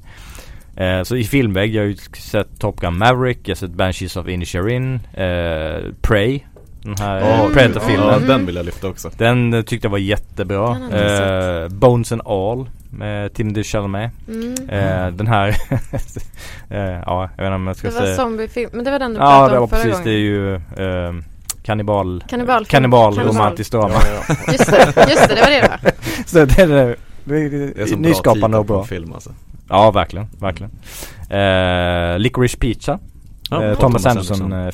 Mm. Den var också väldigt, väldigt bra. Mm. Eh, så, så satt och funderade på det här men, men vilken, vilken film när jag gått hem eller om jag nu har avslutat streamingen eller vad det än handlar om. Vilken film har haft störst impact på mig? Vilken har gjort mig gladast? Och då är det Everything Everywhere All At Once. Ja. Ja. Eh, för jag, jag, Den fanns med på min lista också. Jag, vad sa ni? ja, men det var liksom. Grand Slam! När, när jag satt där i, bio, i bi, biosalongen så satt jag med, med stort leende på läpparna och skrattade jättemycket Mm, och mm. det, det här är ju helt fantastiskt. Och sen när jag kom hem på kvällen så satt jag fortfarande och tänkte på liksom, det här är så jäkla, Jag måste gå in och beställa Blu-ray omedelbart om den går att beställa nu liksom. Det, är, det är verkligen eh, så rätt det du sa Gustav just där om man jämför den med en Marvel-film. För Mm. så här, som jag, när jag såg Wakanda nu så är det så här Jättevälproducerat, välgjort, det är bra. Ingen förvåning. Ingen, Mm. Everything inte, Nej. ever- everywhere all at once. Hade ingen Ständig aning. förvåning. Ja. Men ingen aning. Det, är så, det gör så mycket för upplevelsen. Mm. För det är lite som när man för många, många, många, många, många år sedan nu såg eh, hade sett, vad var det? Thor eller nej, Captain America The First Avenger, alltså den Mm. absolut första. Och så visade de efter filmen en kort, kort trailer för Avengers-filmen. mm. Och det var det första gången i världshistorien som man såg liksom Captain America, Thor och Iron Man i samma rum och de satt och pratade och publiken bara tappade det. Mm. För att alla geeks var bara så Åh, vi kommer få Holy se shit. Avengers på bio. Det var länge sedan. Mm. Det var Nu väldigt har vi liksom sedan. 800 sådana filmer efter Mm. och det är liksom inte så förvånande längre. Men då kommer den här äh, konstiga filmen och bara sopa banan. Ja, jag ska, inte säga, jag ska inte sitta här och säga att Marvel-filmerna saknar hjärta Men det känns som att nu är vi inne i Det är liksom pacemaker i Marvel-kroppen nu Mm. Mm. För att få hålla snurrandes alltihopa Verkligen. Här var det ju verkligen hjärta Mm. Ja, jag tänkte där, just det här med, med Prey, det var ju också en sån här överraskning som jag verkligen uppskattade. Men samtidigt så, jag visste att regissören var ju Dan Trachtenberg. Mm. Liksom, som är gammal filmnörd som har blivit eh, regissör. Så där, där tänkte jag ändå att han vet hur han ska hantera Predator-franchisen och göra någonting bra av det. Men Everything Everywhere All At Once, det var ju så här, jag hade hört, läst positiva saker om den så jag tänkte att det här kommer nog vara en bra film. Men jag visste inte riktigt vad det var för typ av film. Mm. Sen när jag såg den bara, vad är det här? Det här är ju helt fantastiskt. Ja, jag hade också fått den insåld som att så här, det är väldigt mycket Mm. hela tiden, överallt så här. Och att man, att det var en känslomässig berg och dalbana. Mm. Men det var ungefär det jag visste om den. Så det var också så här, när korvfingrarna kom, jag bara vad fan händer? Vad fan är det att titta på? när man liksom hela tiden, du vet så att man fascineras så kan man inte sluta titta för man har absolut ingen aning om vad som kommer hända. Nej. Mm. Och hur, alltså för att de inte heller skäms för att gå typ till det larviga eller till det allvarliga eller liksom det kitschiga. Ja. Att det blir allting. Ja, Jag, jag minns att jag satt och tänkte, jag hoppas inte jag blir kissnödig nu. För den här filmen, man kan inte gå ut i fem minuter Nej. utan att miss, missa hur mycket som helst som är helt fantastiskt bra. Mm. Ja, men sen jag vet vissa som tycker också att den liksom gick för långt. Att det var för Ja. mycket sånt som inte att Vissa uppskattar den, vi tydligen. Men, men inte Mm. alla. Vissa tyckte bara så när det vart stenar då var det lite konstigt. Ja, just det, den scenen. Jag satt och gapskrattade. Det här det är helt fantastiskt. Försvinn inte. Konstigt om man går på toaletten och så kommer man tillbaka och så bara Sten. Stenar? Okej, Vad hände? Hur länge var jag borta? Men uh, gillar att Prey just Ehm, Den är ju bra på samma sätt som Top Gun Maverick är bra Mm. Det är bara så här, vågar vara enkelspårig och omfamna sitt koncept Mm. Och så kör de på Ganska det grundläggande, ta essensen Verkligen och, i, och bara köra på det. Ja Och så gör de det hur bra som helst Mm. Mm. Och, och inte, inte köra fanservice att nu, nu gör vi det som Mm. folk förväntar sig i en sån här sortens film Så att vi kryssar för alla boxarna utan Nej men jag har min egen idé här och sen så Så kör jag den fullt ut Jag har ju inte sett den Men jag hörde nu när jag lyssnade på gamla avsnitt att jag har ju fått det i läxa att se den mm. mm. Men jag tror jag blandade ihop den läxan med min Fast and Furious läxa som jag håller på med så att, Men jag ska, jag ska, jag har inte glömt den nu, jag ska ta Nej. den i Mm, januari Så att jag återkommer men Jag har hört bra Mm. Mm. Jag kommer naturligtvis se den på eh, originalspråk Ja Det tycker jag De där äh, knorrande Predator-ljuden, du ska inte ha subtitles på mm. Jag hade också en, en eh, film som, jag vet inte om ni sett den som heter The House. Nej Nej Som finns på Mm. Netflix som är en, en animerad film, alltså inte dag utan klassisk animation. mm. Med ett hus som har liksom, det är som tre berättelser i en. Där alla, det de har gemensamt är det här huset. Eh, som är jätte, jätte, jättefin. Och också så här att man bara, vad fan händer? Så här, jag har ingen aning om vad som kommer hända. Det första, den första berättelsen, då är det när huset byggs. Eh, och det är väl på typ, kan det vara typ 1800-1700-tal, någonting sånt. Och så är det en familj som bor i ett eh, så här, eh, riktigt dåligt hus. Och så kommer liksom en magisk arkitekt som bara här, kan bygga ett hus åt er. De bara okej vi flyttar in och sen så händer liksom bara konstigare och konstigare saker och det typ så här bor ett odjur i källaren tror jag. Eh, du vet så här, det spårar. Mm. Eh, och sen så kommer man till typ eh, nutid där det och, och så är det också att de blir olika. Jag tror att då är han en katt. Och så är de så här filtkatter. Men Fast är det skräck människa. eller komedi eller Det är en blandning av typ allt. Ah, För okej. de är rätt rysliga men de är också väldigt absurda. Mm. Men och då ska han liksom eh, renovera det här huset och sälja det jättedyrt. Och så kommer en massa människor på visningar och så kommer ett, par som är så här, de bara, vi gillar huset väldigt mycket. Mm. Han bara, okej, ja men vad bra, vill ni köpa? De bara, kan vi titta på badrummet? Och sen helt plötsligt så, så li- ligger de och liksom badar och typ tar in hela sin släkt och han bara, men ni måste köpa huset. Och de bara, nej. Det här verkar ju fantastiskt, jag kollar bara på bilder nu men det ser Det ju är jätte, jättefint. Det är så här stop motion Det är en svensk som har gjort, hon har gjort eh, tre, tredje delen av filmen. Jaha. Där som då är liksom postapokalyptiskt, typ allting har svämmat över så det finns bara vatten och det här huset. Mm. Och så är det en, hon är en katt. De kanske inte var en katt, det var råtta först an, i andra. Och sen var det en katt. Eh, hon har liksom, hon har den här så är hon landlord och så ska hon försöka få alla att betala hyra men de har typ inga pengar att betala så de försöker betala med en fisk. Och så försöker de renovera huset men allting faller ihop. Eh, den sista delen den var faktiskt jätte jätte jättefin. Mm. Så den kan jag verkligen rekommendera om ni inte sett den. Ja, det får bli en läxa till nästa gång. Mm. Mm. Låter väldigt tilltalande. Mm. Eh, Så här, här kom någonting helt ur left field men eh, läste du att Mike Flanagan eh, lämnar Netflix? Eh, de, eh, de förnyar ju inte eh, The Midnight Club till, till en ny säsong. Så han tar sitt pick och pack och drar till Amazon istället. Ja men den Och ska göra. The Dark Tower åt Amazon. Aha. Stephen Kings Ja. äh, f- Men gjorde de inte en Dark Tower-film? Jo, Med film Idris Elba och Matthew McConaughey. Kan, ja, den Mm, är inte så bra. Där de inte eh. fattade källmaterialet riktigt. Precis, Nej. precis. Men jag menar, eh, Mike Men Flanagan han är ju jättebra. Men då ska han inte fortsätta med dem Ha alls? haunting, eh, Nej. nej, nej. Oj, oj. nej. Netflix Tråkigt. I Då, dårskapet. dumma Netflix. Dumma Netflix ja. Ja, Ja, usch vad de håller på. Nej just det, för alla IPn kommer att stanna med dem. Mm, Just det. Men, Men- men, bra ändå. för eh, Amazon och alla Stephen King-fans då verkligen, kanske. verkligen. Jag, jag, jag tror han, han fattar ju hur man ska hantera källmaterialet mer än vad de gjorde med den där filmen. Så att, ja, det var bara en Eller så blir det en ny Stanley Kubrick. Stephen King blir sur och bara jag kan göra det bättre själv. Så det, det har ingenting med min bok att göra. Men gud vad den Dark Tower påminde om, den, den misslyckades på exakt samma sätt som Gyllene Kompassen. Den med Daniel Ah. Craig och Mm. Mm. usch, oh. helvete vad de missuppfattade Fast i och för sig, HBO-serien Historic Materials nu har ju varit riktigt, Jättebra. riktigt mysig. Mm. Jättebra. Jag, jag har inte sett tredje säsongen än men jag, Jag har hört att den ska vara jättebra. Mm, jag har börjat. Jag ska ta tag i den snart också. Jag har ju försökt en gång, jag föll mig inte i smaken. Men sen har alla tjatat, mest Amanda, om att Ja. den är jätte, jättebra. Jag har tjatat mycket. Så fort den kommer på tals så är det så här, du säger först hur bra den är och sen så säger jag, ja, jag har inte hunnit se den än och så försöker jag gå vidare och då är det som att du håller fast mig och bara måste förklara hur bra den är. Ja, jag kan inte släppa det. Jag kan inte heller- jag Och det kan gör inte heller avtryck, släppa att du inte har sett nej, den. Så att jag ska, jag ska ta tag i den också. Gud vad mycket läxa det blir.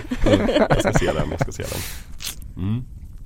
Ska vi rulla vidare i juletid till TV? Jag tycker ändå att, eller för mig, okej. För mig, jag har sett mer TV än film det här Mm. året. Ska vi prata Samma lite. TV-serier? Jättegärna. Mm.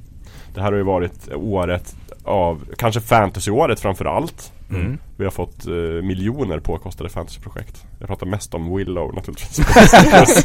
Finns inga andra fantasy nej, nej men den... Eh, Jag är rädd för att du är den enda i världen som som bryr dig om Willow. Så, den, den är ju gjord, det är precis som, vad, vad heter den här, Hokus Pokus 2 Som Ja, de gjorde på Disney+. Plus och den var inte bra. Både den och Willow är gjorda för en otroligt specifik målgrupp I rätt ålder och på rätt sätt Och så här, de som tillhör målgruppen älskar det De som inte gör det fattar inte Nej. Eh, Willow är tydligen gjort för alla som är födda liksom på vårkanten 1980 eh, Nej men också Rings of Power naturligtvis Mm. Åratal in the making Världens största IP kanske Dyraste tv-serie någonsin Mm. Blandad kritik eh, Vad heter den här House of the Dragon? Mm. Ja. Mm. Tillbaka Också blandad kritik Mm. Också framgångsrik Mm. ändå eh, Så mycket fantasy och vi har fått eh, nya Marvel-serier Moon Knight, Miss Marvel Vänta nu, var Moon Knight i år? Ja det var Ja, det var i år. vintras. Tidigt i Ja. år Obi-Wan, Star Wars Mm. Andor, Star Wars Vad är, Shadow and Bone, var det år? Var det förra året? Den var nog förra året Det kanske var förra året. vill Ja. jag säga Eh, The Bear har ju im- imponerat Mm. Severance har ju imponerat Mm. um, Tokyo Vice har imponerat Mm. The Gilded Age har rullat Mm. Ja, för att bara nämna några Jag har ju några favoriter på min lista. Ja. Men jag tänkte låta någon annan börja.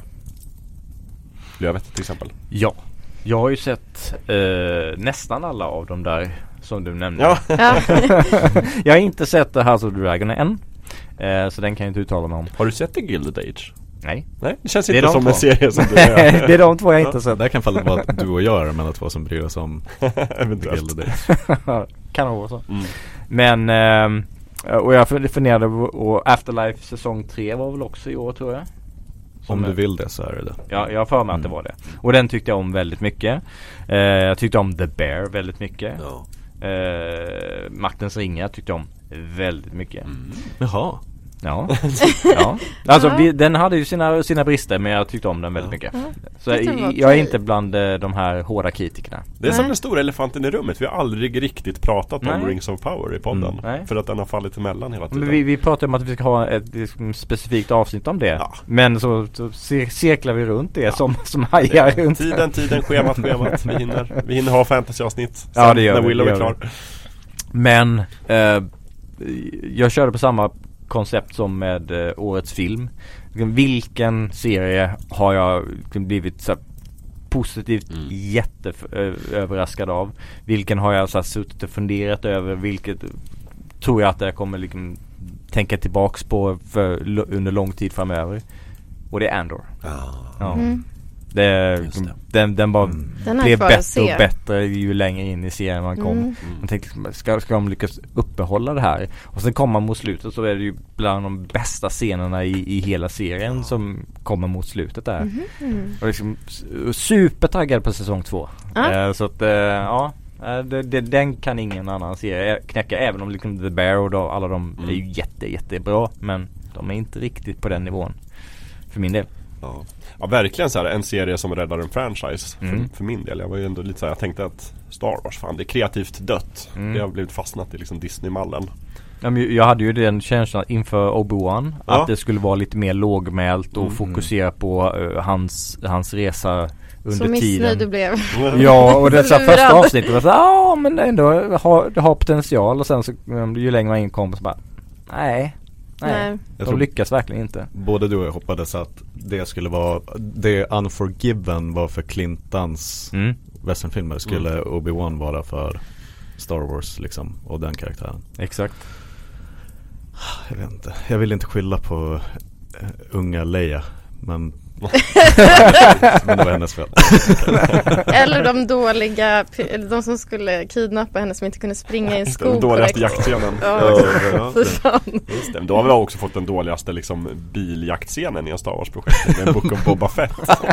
Det kanske räknas, det kanske kom redan eh, sent 2021.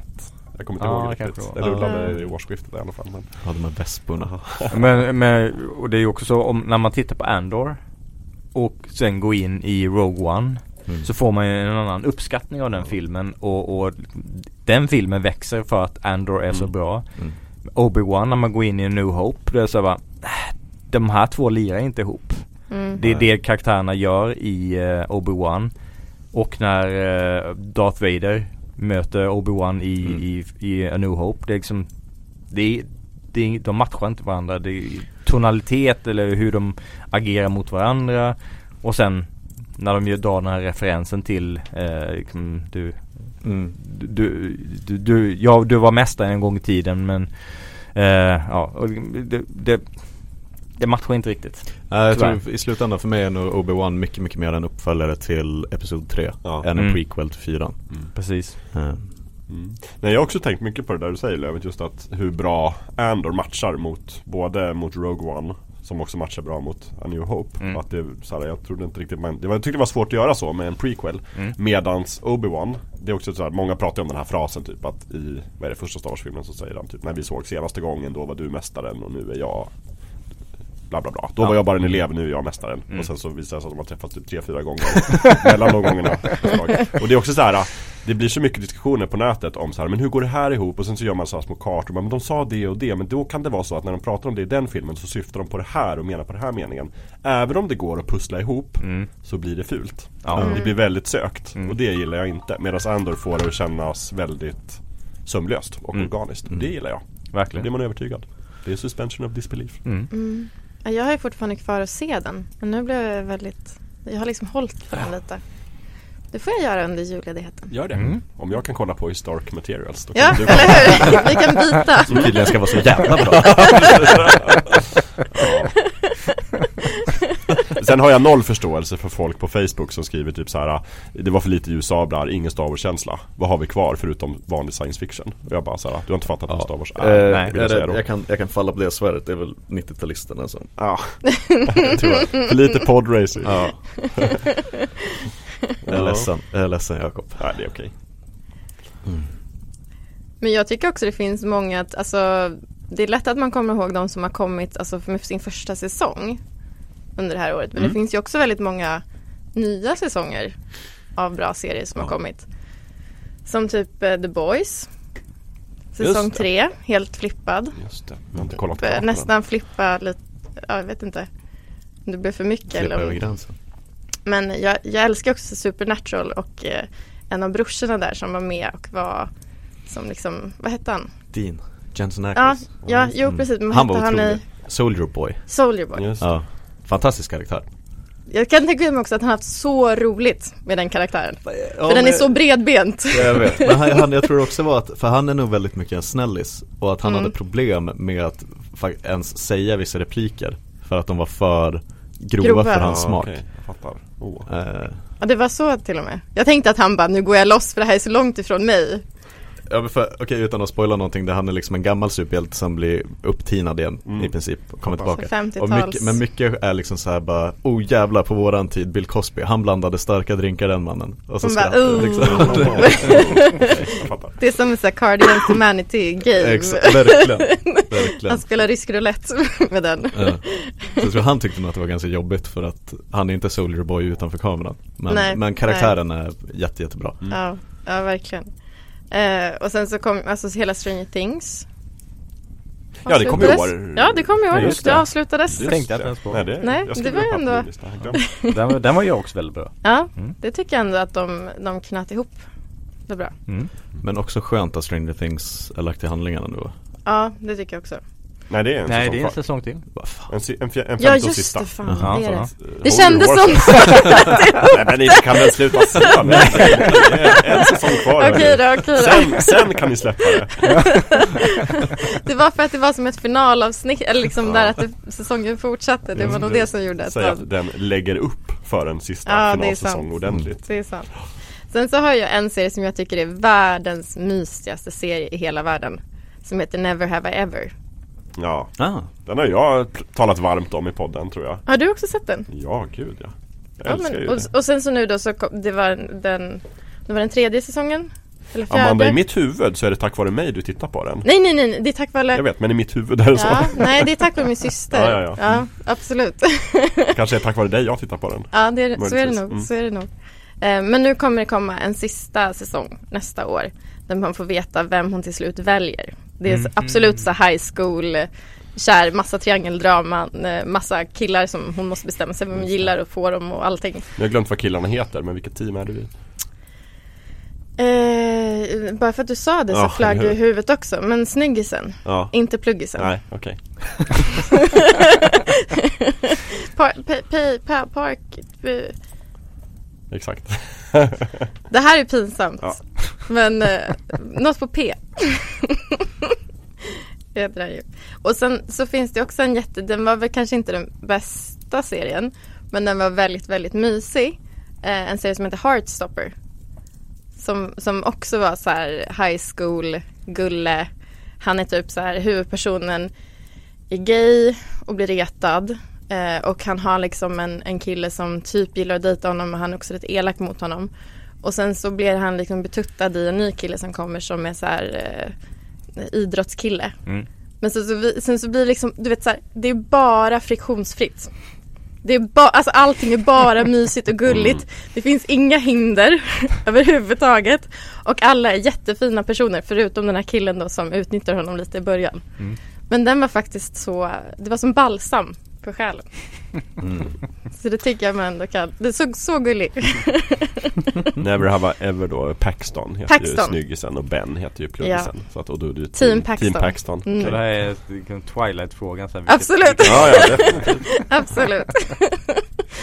Men Var inte sex, sex Education också i år? Jo men den, på nu? den har jag faktiskt aldrig sett. Du har inte det? Nej, och jag borde det. Det känns som en serie för mig. Den är bra. Men den. har jag inte kollat på. Mm. Ehm, men sen tycker jag också, Jakob som du var inne på, Severance. Tyckte jag var otrolig. Mm. Alltså den, den har nog fastnat mest. Ehm, sen såg jag också en serie som heter Archive 81. Det är ju, såg du den för att Jag vet, det kanske var du som tipsade om den. Alla vill ha cred för det. Var det jag? Var det jag? Men den tycker jag också var sådär, flög under radarn. Var Mm. mycket, mycket bättre än vad jag trodde. Eller liksom den verkade överraskade. Jag tyckte han huvudpersonen var, spelade så ja, himla han bra. spelar skitbra Skitbra. De ska ju tydligen inte göra en andra säsong. Jaha Ja den slutar ju verkligen Säsong två kommer Ja. Den har, den har lagts ner. Nu blir det bara en evig cliffhanger Ja. Gud vad den, den gör exakt samma sak som Get Out gör Att han har en polare som De pratar på telefon och polaren säger så här Men du, fattar väl att det det här är alla markings och en skräckfilm Du måste ta dig därifrån nu ja. Jag ska bara kolla lite till. För jag fick en sån här underlig de- déjà vu när jag i på källaren och kolla 81, grejer. För att det var exakt Ja. samma Samma grepp Men ja den var bra det var, Men det var också en sån här som jag skrev i Slack till er Titta på Archive 81 Och visste gott och väl att eh, Ingen kommer ihåg. Ingen kommer ihåg. Ja, men jag, Jag la, jag, gjorde gjorde, det. jag gjorde min plikt, nämligen tryckte på plustecknet och la till det på min lista. Ja. Bra. Men har fortfarande Det är halva segern. Nej, inte sett. Men den tror jag du skulle gilla. Ja, du hade gillat den. Den är jätteryslig. om den nu inte avslutas på ett bra sätt Då ska jag jag inte. verkligen se den då. Värt ändå. Mm. Det Det finns alltid chansen att det blir Ja. Twin Peaks. Att om 30 år så kommer det Ja. tillbaka. Precis, precis. Ehm, men sen så, såg någon av er uh, um, Loot Nej. Loot? på Apple TV? Nej. Jag har inte Apple TV. Med Maya Rudolph. Nej. Jätterolig. För där är hon, hon är liksom en eh, Hennes man har något appföretag, mång, typ världens rikaste man.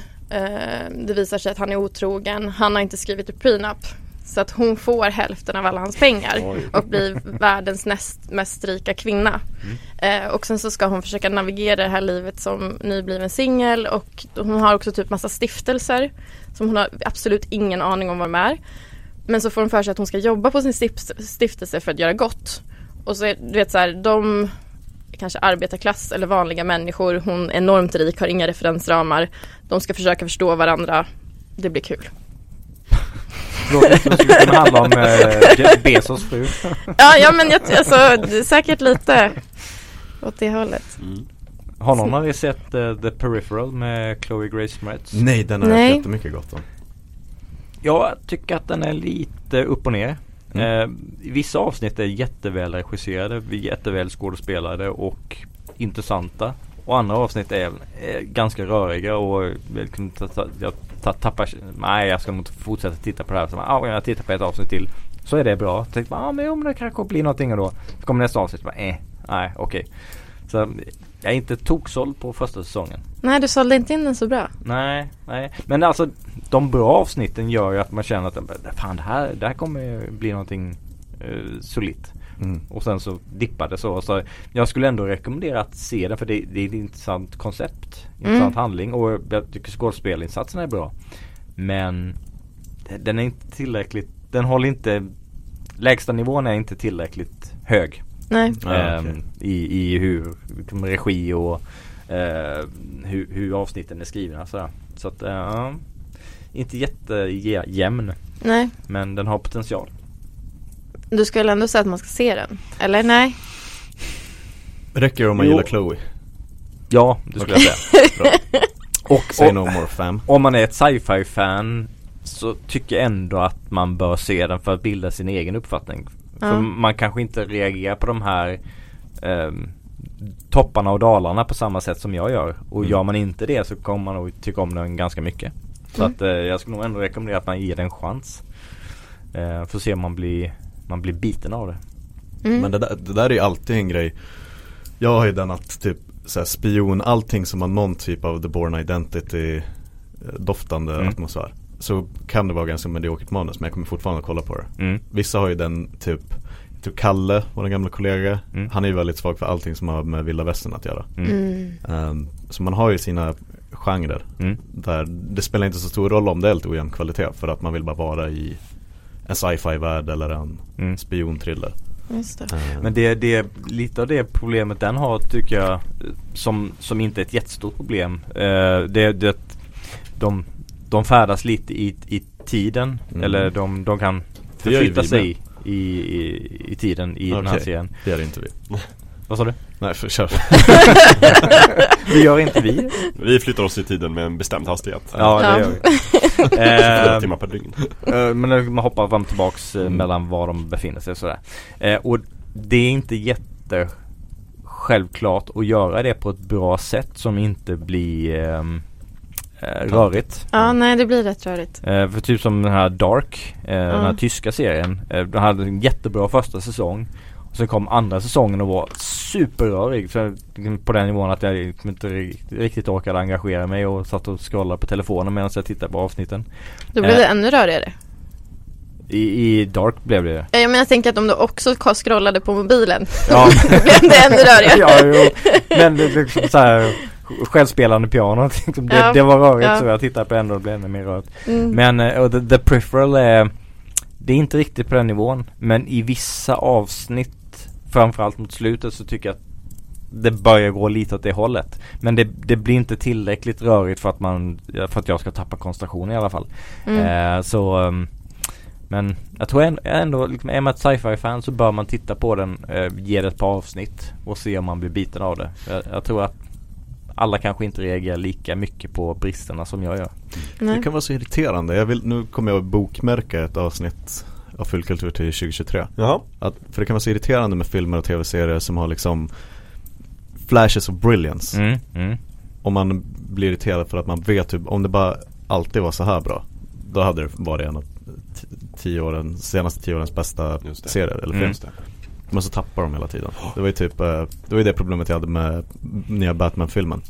Att allt, jättemycket med den var helt otroligt. Men så öppnade folk käften och så var manuset inte alltid topp, tipptopp liksom. Nej. Ja, Eller första säsongen av Lost. typ. Löftet om någonting och så blir man påmind. Men så håller inte det hela vägen. Nej. Ja. Mm. Mina tv-serier? Ja, gärna. Ja, eh, okej jag Rings of Power till exempel För på förhand så trodde jag att jag inte hade eh, en liksom ett ben i min kropp som pallade mer med HBO gör George R. R. Martin Game of Thrones liksom. Du var Så jäkla färdig Ja. efter säsong 8 eh, Men gud vad jag tyckte om House of the Dragon Mhm. den påminner mycket, mycket mer Lövet om säsong 1-4 av Game of Thrones. När det var liksom, när alla var överens om att Det är ju lovande. Jag måste säga, jag tycker att det tog ett tag. De typ Ja. två, tre första avsnitten var jag inte jätteimponerad och tänkte så här. Okej. Men där är jag inte orolig för Lövet, att det är slow burn.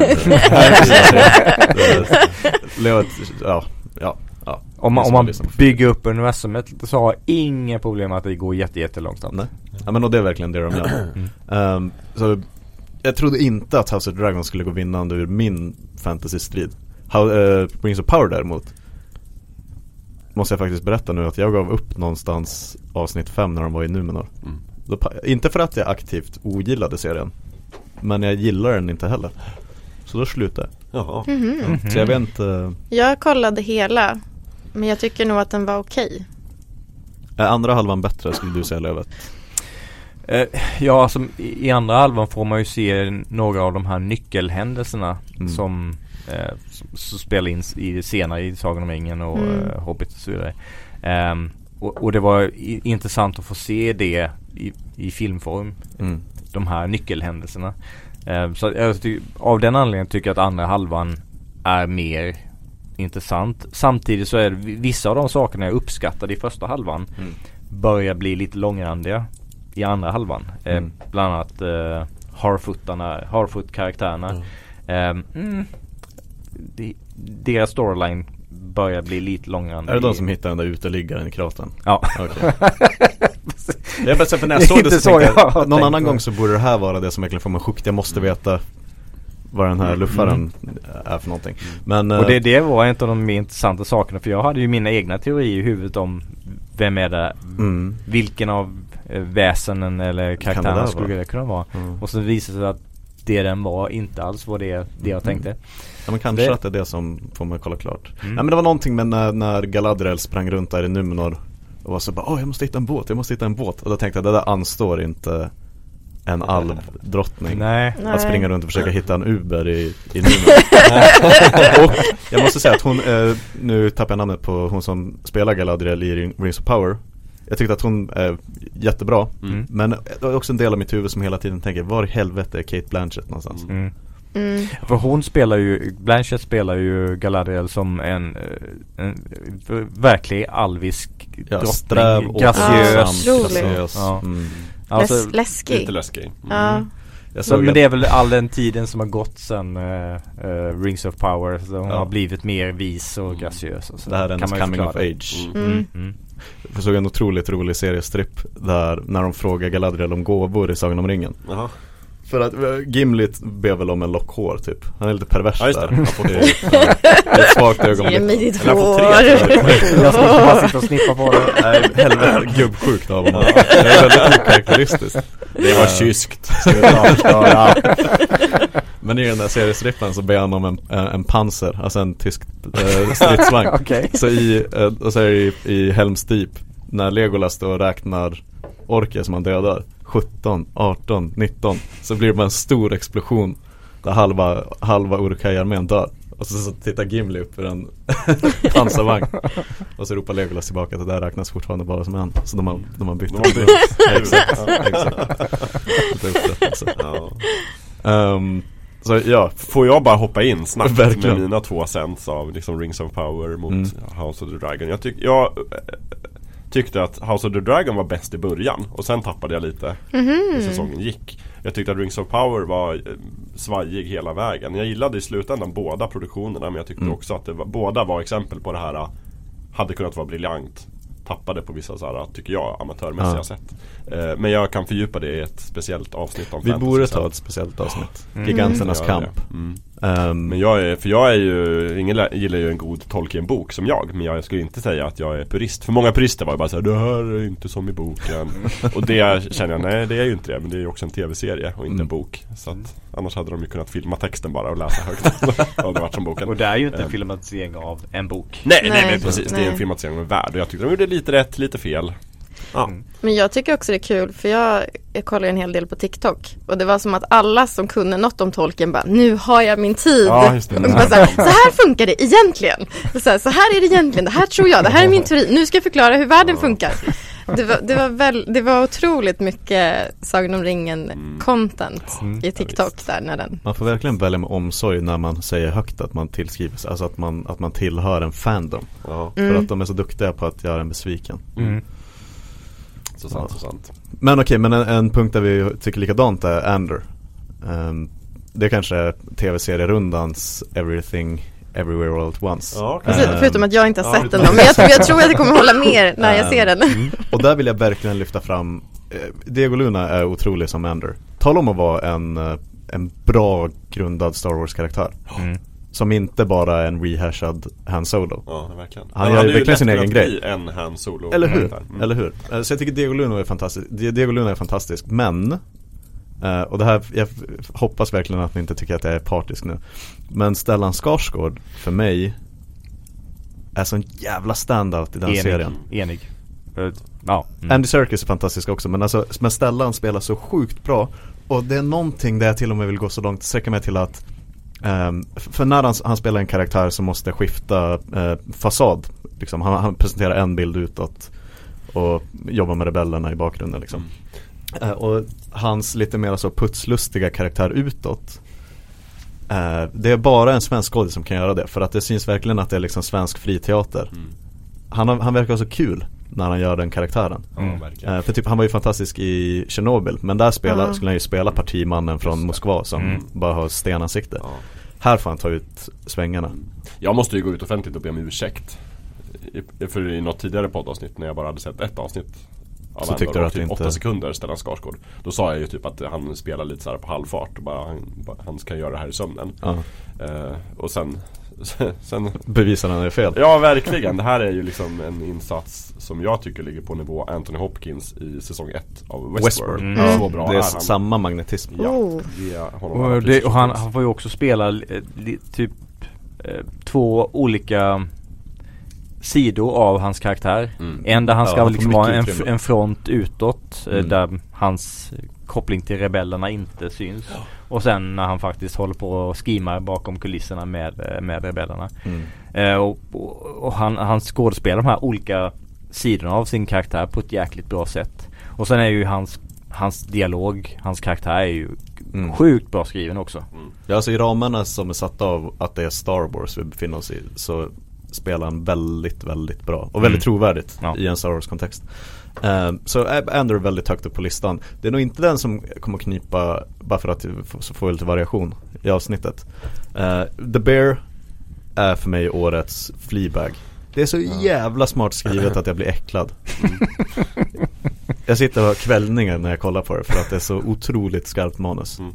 och, och det går snabbt, det är rappt, det är roligt, det är allvarligt. Fantastiskt. Ehm, Så alla som inte har sett The Bear, se The Bear. För man, man kan göra det på eh, en söndag. Mm. Jag har ju börjat se. Kolla på det. Och du hatar det? sen efter, Nej jag tycker, det, jag tycker det är jättebra men jag blir också helt matt. Ja, För de bråkar så jävla ja, jag orkar bara ett Man bara, åh gud. Ja. det är liksom Det är lite så speciellt, äh, han eh, Kusinen som är så sur.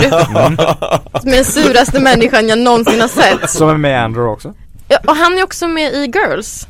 Ja. Just det, precis. Så är han det är han typ, som eh, gör eh, mixar eller vad? Nej, ja men han blir liksom någon, Han han, han, gifter sig ju mm, med hon, snubben. Ja precis, och gifter sig med hon som är så ordentlig Men han gör mashups, det är det som Ja. är Just det, träffas. just det.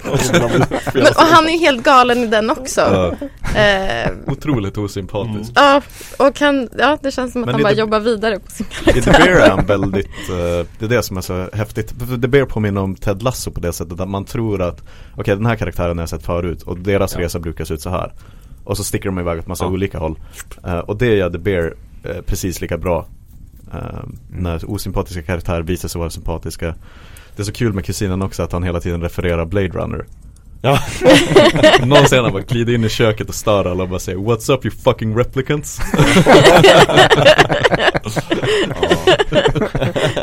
ja gud ja, vilka karaktärer. Ja, Ja. Jag tror vi var inne på det i förra avsnittet också men, men det är ju inte jättelånga avsnitt Men de hinner med så sjukt Så jävla sjukt mycket mycket. det, i de, är full, de är fullpackade Ja. Inget fett att trimma från, från någon scen liksom. Regin är ju mm, mästerklass Ja. på alla sätt och vis Verkligen, Mm. verkligen Ehm, Och vilken sån, du vet På samma sätt som The Wire gör att man blir kär i Baltimore Fast den är en väldigt ful sida som Mm. de målar upp Så blir man också, jag blir så sugen på att åka till Chicago Mm. När jag kollar på The Bear Mm. Ehm, Och så sen så ska jag lyfta eh, Rogue Heroes Det är nog kanske den serien som mest den så här äventyrslustan gammaldags matiné Ni har inte hunnit kolla på den antar jag? Jo, ett avsnitt. Ett avsnitt Jag är på gång, jag gillar. Mm, perfekt, Jag är gillar. på. Ja. Som sagt, mera Tarantino än Steven Spielberg men eh, Special Air Service eh, Origin story för dem i Nordafrika under andra världskriget mm. eh, jag berättade ju i, i leda om det förra avsnittet Men den kanske kniper ändå det mysigaste biten eh, tv som vi kollade på under 2022 Mm. Så ja Och så sen som sagt nu när du påminner om att Moon Knight släpptes Det är nog, det är nog Marvel standout eh. Mest intressanta Mest Marvel-serier i alla intressanta. fall.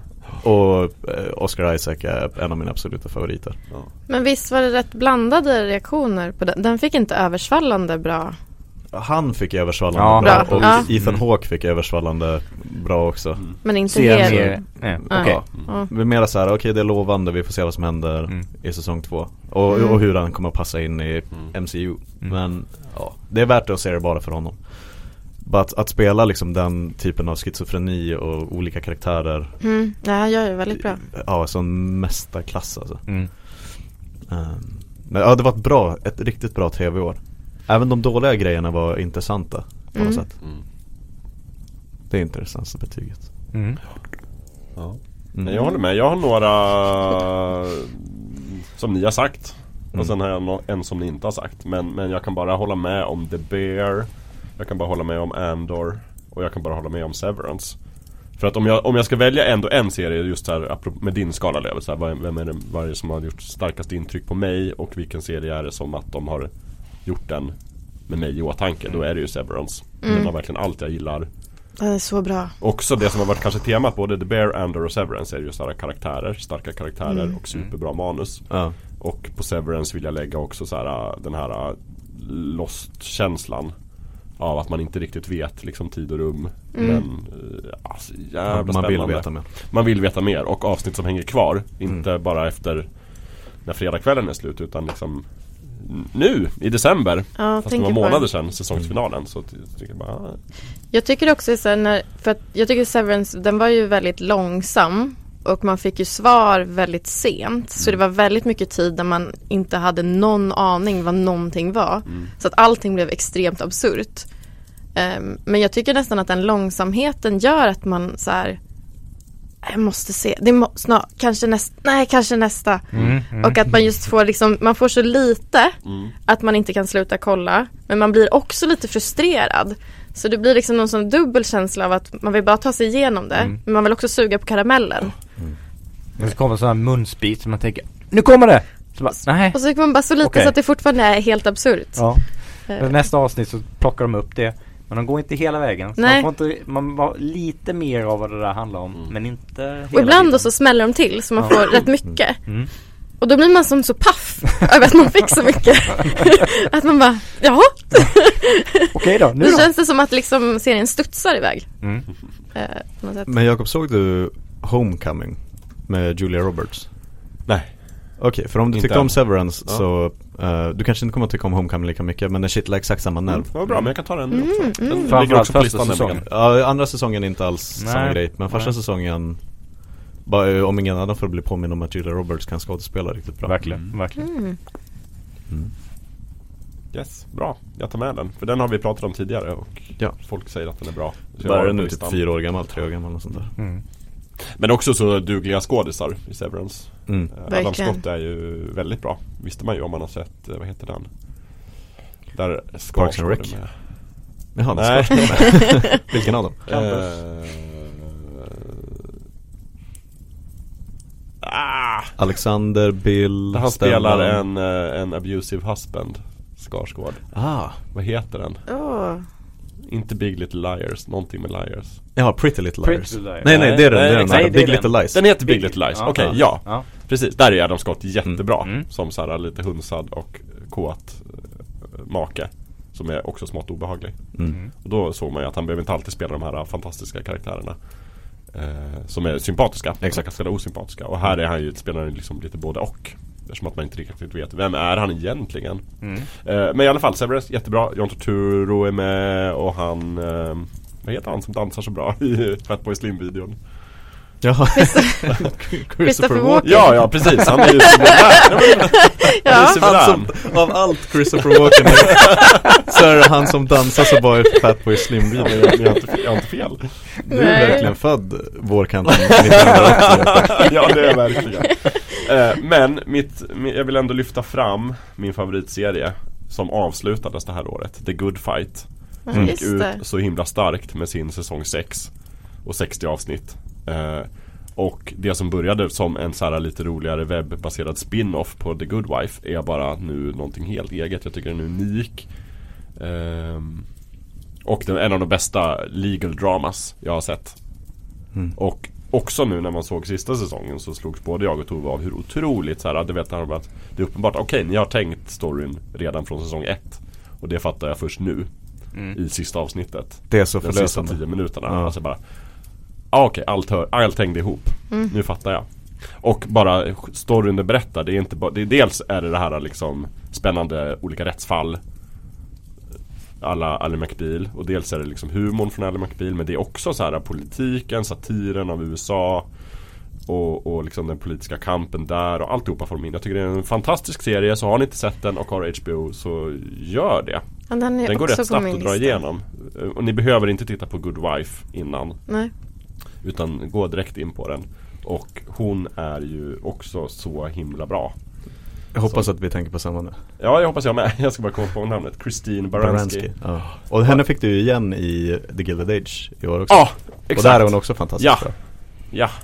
Ja, Mm. nej fy fan vilken serie. Eh, riktigt bra. Så det, det är den enda jag har. Och sen som sagt Andor, Severance. Jag har en liten inflik om Adam Scott. Han är ju också med i Loot. Det är där han är, han är den rika app, Mm. Jaha. appmannen. Mm. Som inte Som hon är gift med. Som är en skitstövel. Okej. Vilket Adam Scott-avsnitt det blir ändå. Ja, Han är ju med i Campus eller också. hur? Jaha. Han är överallt. Han spelar ju också, en av hans tidiga osympatiska karaktärer är ju den här filmen med han Nej Vad heter den nu? Allting tappas. Är det någon som dansar i någon video? Nej nej nej nej nej Men han som jobbar på Kodak eller på såhär uh, fototidning Med han, är det inte uh, Han som är med i Natt på museet Jaha, du, okay. du tänker på The Secret Life of Walter Mitty Exakt! Han jobbar på ti- Time, Precis! Ja. The Secret Life of Walter Mitty Där är ju Ja. Adam Scott hans chef just det Som och, är, är, är dum och sparkar folk i hissen och sådär right. och Sean Penn eh, Just det bra Men när blev han den karaktären för Parks and Recreation är han bara gullig. Där är han ju Han bara gullig Gullig? Ja, och Ja. då visste man så, han kan spela en gullig karaktär Ja, Mm. Och sen ser man nu också att han kan spela en, en mer nyanserad karaktär Mm. och en obehaglig karaktär. Jag tror det är för att eh, Adam Scott, han har ansiktet, utseendemässigt så passar han lika bra att spela en genuint snäll kille Men han kan också spela snäll kille i hartassar Mm. Ja, Som och är lite sken, som- som sken av att vara god och lite han är- som Elijah Wood som kan spela en genomgod hobbit kan också spela en våldsam seriemördare i i. Sin City Mm. Exakt mm. Just det. Det är som att de har strängar på sin lyra, Ja. de här skådespelarna. Men att de bygger sin karriär runt att kunna spela olika typer av människor. Vill ni ta fram några nya Anna Hedersson-nämnanden i tv-serieväg? Det, så, ver, det känns ju som att vi lever i peak content Mm, när man kollar på tv. Verkligen. Jag ville ta upp en, en serie som det känns som att jag har sett men som jag inte har sett än Är ju Edge Runner Cyberpunk animen Mm. som kom till Netflix Bara för att jag blir så otroligt involverad i allting som rör Cyberpunk Eh, Så den ska jag försöka klämma in nu och se i sin rätta Jag har sett massa scener från den och Mm. läst om den Men jag, nu ska jag se den i sin helhet under julen tänkte jag Jag har ju fått bland- bländande betyg Mm. Mm. Eh, Nej, jag har inte sett den heller, men jag tänkte göra det. Jag tror också säsong två av Euphoria kommer ju i år. Mm. Och den serien är ju också alltså, verkligen sevärd. Man mår ju dåligt också. Mm. Hela också tiden. Väldigt intensiv. Väldigt intensiv. Eh, väldigt, jag tycker de porträtterar liksom att vara förälder till en drogmissbrukare Mm. och att vara i en familj med någon som drogmissbrukar otroligt väl och smärtsamt. Mm. Eh, sen kan jag tycka att vissa delar av den är lite problematiska i liksom hur mycket de sexualiserar Mm. och otroligt explicit Mm. mycket är med så unga personer. Mm. Eh, men jag tycker ändå att den är verkligen sevärd. Jag tyckte inte säsong två var lika tight som ettan. Nej, det kan jag hålla med om. Mm. Det var Men som att, det var som att de bra. bara, vi drar på extremratten, tjoff! Och så Eh, tänkte man inte riktigt på balansen. nej, Nej. nej, det kan jag hålla med om. Också väldigt snyggt soundtrack alltid. Jag kan lyfta fram två. Gjort. Eh, en är White Lotus säsong två. Ja, just Ja, jag har sett eh, säsong ett nu. Sista avsnitt kom väl idag? Ja, det kanske jag gör. Ehm, som jag tycker är väldigt bra. Ehm, jag vet inte riktigt om jag kan jämföra det med första säsongen. Eh, jag, jag tror jag gillar första säsongen mer. Men den Mm. håller fortfarande väldigt bra nivå. Eh, och sen en, eh, en serie på Sky Showtime. Som heter A Friend of the Family. Mhm. Eh, och det, det var en sån serie, jag har kollat klart på eh, de, de avsnitt av Yellowstone som Jo, för övrigt också en säsong som har kommit i år Som är väldigt bra Ehm, Men så har vi kollat på de sista avsnitt som fanns där Så tänkte jag, ja men vad ska vi titta på nu då? Friend of Family kollade jag upp eh, IMDB så ja, men ganska bra betyg så ja, men, vi chansar på den här och det handlar om, eh, det, det är en, en familj som flyttar till ett område och, och så börjar de umgås med en annan familj där. Och eh, så börjar mannen i den familjen som har flyttat dit eh, få en bra relation till, till dottern där. Eh, och sen så utvecklas det och så eh, håller han på och manipulera dottern och eh, händer lite funny business. Eh, jag ska inte säga mer än så. Men den är, den är också väldigt välskådespelad, väldigt intressant obehagligt koncept Mm. eh, som den utforskar och väl, eh, välskriven och bra temposatt och allting så om man, eh, om man är sugen på den sortens dramaserie så kan jag varmt rekommendera den. För den eh, jag, jag tror vi har ett avsnitt kvar av den. Mm. Eh, men jag kan ju redan nu säga att det är en av de bättre serierna jag sett i år. Mm. Eh, så att varm rekommendation. family Mm. Jag kan säga att min stora överraskning i år, för att jag hade så låga förväntningar, Mm. var ändå Halo. alltså, alltså jag tyckte Oj, den, jag, tyck, jag, ty jag tycker ändå att den var, den eh, var oväntat bra för vad jag trodde att det skulle vara. Eh, och att han som spelar eh, liksom huvudkaraktären Mästerchefen. Mästerchefen. Eh, att han, det var så otippat för jag har ju sett honom i Origins New Black Mm. som världens dummaste och mest korkade fångvaktare med ful mustasch. Han gjorde verkligen ett eh, eh, lyft. var mycket bättre skådespelare än jag trodde. Så det säger inte att den är en, en av de bästa, den var största överraskningen. Nej jag men så här, av, av rädsla för att jag ska dra på mig skämshatten eh, så har jag inte vågat titta på den. Men Gör jag det. ge den en chans. Ge det en chans. Jag har sett den.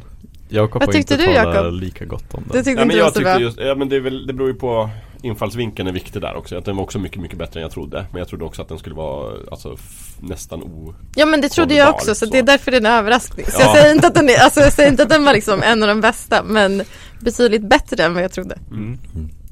Sen, har, har ni sett eh, Wednesday? Inte än? Har inte det! Den Även är- om den den här är bra. dansen har blivit väldigt viral. Ja, den, mycket, mycket har skrivits om den. Ja. Eh, Det är ju Tim Burton som Ja. eh, gör en, en serie om eh, Wednesday, karaktären i Adams Family Just det, just eh, filmen. Eh, och väldigt charmig, väldigt välskådespelad, eh, rolig och lite läskig. Den är ju skräck, skräcknivån är ju kanske ryslig. mysryslig. Ryslig, vad ja. Ja, men, och liksom det här är en, en återkomst till bra Tim Burton-produktioner. Mm. För hans senaste, de senaste årens filmer från Tim Burton har ju varit sisådär. Mm. Jag har liksom tänkt på han som en, en regissör jag- som brukade göra jäkligt bra produktioner. Men, och med Wednesday så bara Ah, he's back! Fan ah, vad vad trevligt! roligt. Ja, ja. Jag har, Eh, haft så den, det kan jag också varmt rekommendera om man Ja. inte sett den. jag har haft med den på min kanske se-lista. Mm. Och sen så har jag börjat känna så här, ja men kanske ännu mer. Jag tror du skulle gilla den. Ja. ja. Ja, Wen- som... Wednesday och eh, den här eh, rumskompisen Ja. Som hon blir kompis med Jag tror du skulle uppskatta deras relation väldigt mycket Ja, ja, Ja, ja. ja, Det då, ska, då ska jag kolla på den. Mm. Jag ska också Kul. kolla på den. Mm. Mm. Jag kom på det när du sa Halo så kommer jag att tänka på Natasha McElhone Som är alltså hon forskaren Mm, mm. och Cortana Då kommer jag att tänka på The Crown Ja, Säsong 5 Den har också varit i år ja. ja, hon är med det är hon ja. och är jättebra och då tänkte jag vad är det, Penelope Knatchbull eller något sånt där Någon riktig aristokrat Mm. Gud vilket eh, aristokratiskt namn. Som blir kompis med hon, han, prinsen Ja, ja, ja. Kung, ja, ja, han är inte kung. Han är men inte prins, kung, prin- han är prins i mål Precis. Prins Philip Ja. eh, Och då tänkte jag The Crown Det är en bra säsong Mm. Mycket Stabilt, den Väldigt har jag inget problem med att den lever vidare. mm. Väldigt värdig serie Ja, Och Elisabeth Rebicki som eh, eh, Diana är Ja, ju väldigt bra Jättebra jättebra. Men hon kan typ inte göra en dålig Nej, Hon har bara varit bra i allt jag sett henne. även hon är med i en Marvel-film så är hon ju Vad är hon i vet- Marvel-film? Hon är med i eh, Guardians, Guardians, of the Galaxy volym 2. Vad spelar hon? Jaha. Den Ja. här representanten för den här planeten. de Ja! De som sitter på de här fjärrstyrningsstationerna. Exakt. guld, Guldmänniskorna. guldmänniskorna. Ja, Ja, gud. Men hon är ju Gud vad vi har pratat lite om Tenet. Ja, Men där är hon ju också skitbra. suverän Ehm, och hon är fantastiskt bra i The Night Manager. mm. Den här uh, som jag tipsar om varje år. Mm. Sen vi började spela in. vacker, ett, något år kommer det hända Men den är, den är fan otrolig alltså. Ja, ja, oh ja Men det följer ganska bra in i mitt nästa tips. Jag måste ju nämna The Old Man Ja, på ja Disney Mm, Plus. mm, mm. Med eh, Bridges. mm. Verkligen hår- hårdkokt eh, The Born Identity-doftande serie. Mm. Och som jag sa tidigare Jakob när du var ute och hämtade vatten att man har ju sin genre där man struntar lite om det är ojämnt och manuset har brister. Mm. För att man bara vill vara i, i genren. Jo. Mm. Ehm, och för mig är det ju verkligen allting som har spion taggat på IMDB-sidan. Mm. Och The Old Man, jag tycker att eh, Jeff Bridges spelar fantastiskt bra i den. Mm. Han rosslar och harklar och tar sig för ryggen så mycket. Ehm, men fantastiskt bra spelat Mm. av både han och John Lithgow. Mm. Det är, som du sa det här med att Stellan påminner om Anthony Hopkins Aha. i första säsongen om Den här säsongen är verkligen två Anthony Hopkins Ja, som spel, får spela mot varandra. Eh, det jag ska säga, eh, för den kom upp på våran radar för att våran uh, gamla kollega Joakim Benett skrev i Slack, Mm. herregud, Mm. de bästa 40 minuterna av TV jag sett Och då pratar han om första avsnittet. Första avsnittet, Mm. så det, det Den tappar ju lite mot slutet, det gör den, Ja, tycker jag. Snarare, jag skulle nästan säga att den, den gör sig skyldig till att lova en typ av serie efter första avsnittet. Mm. Sen blir det någonting lite annorlunda resterande sju avsnitt. Eh, Men det vi fick var inte dåligt. Nej. Och Mm. mycket, Bridges och Lithgow de, Ja, de, de höjer ju vad De som höjer, helst så, exakt. så det blir aldrig dåligt Ehm, och det var, det var någonting, du vet den som vi tyckte om Jakob, eller framförallt jag. Eh, Den här, eh, vad heter den här detektivserien som finns i 80 böcker? Som killen som, han som spelar huvudrollen i The Americans Gjorde nu för HBO för något år sedan. Eh, Titeln är hans namn Och bokserien har hans namn. Han, han är försvarsadvokat 40-talet Los Perry Angeles. Mason. Perry Mason, tack tack tack Eh, John Lithgow är med i Perry Mason och Just spelar det. väldigt bra Mhm. Men där, fick- där fick de typ så här säga till honom att Gör inget jävla tredje planeten från solen nu du, du får typ inte spela För det får inte bli för mycket Lithgow det. Nej. Ehm, Och i den här är det ju verkligen samma sak Jag tror han bara fick instruktionen att Läs bara manuset rakt upp och ner så blir det otroligt mm. Och det blir det också det Ehm, var kul så om man är ute efter något The Born Identity doftande fast alla är 80 plus så ska man se The Old Man. Det. Mm. Men då bara spinna vidare på det kort instick eh, Mm. När du sa Old Man och spionthriller Då tänker jag på Gary Oldman Och då är min fråga, har, har någon sett Slow Horses? Inte Nej. än, men den är jullovsmaterial. Ta den på jullovet. Vilken tjänst? bra. Eh, Apple TV. Ja, Mm. mm. okej. Jag kan inte liksom låta bli att rekommendera tjänster för ett program för att det ligger på en tjänst du inte har.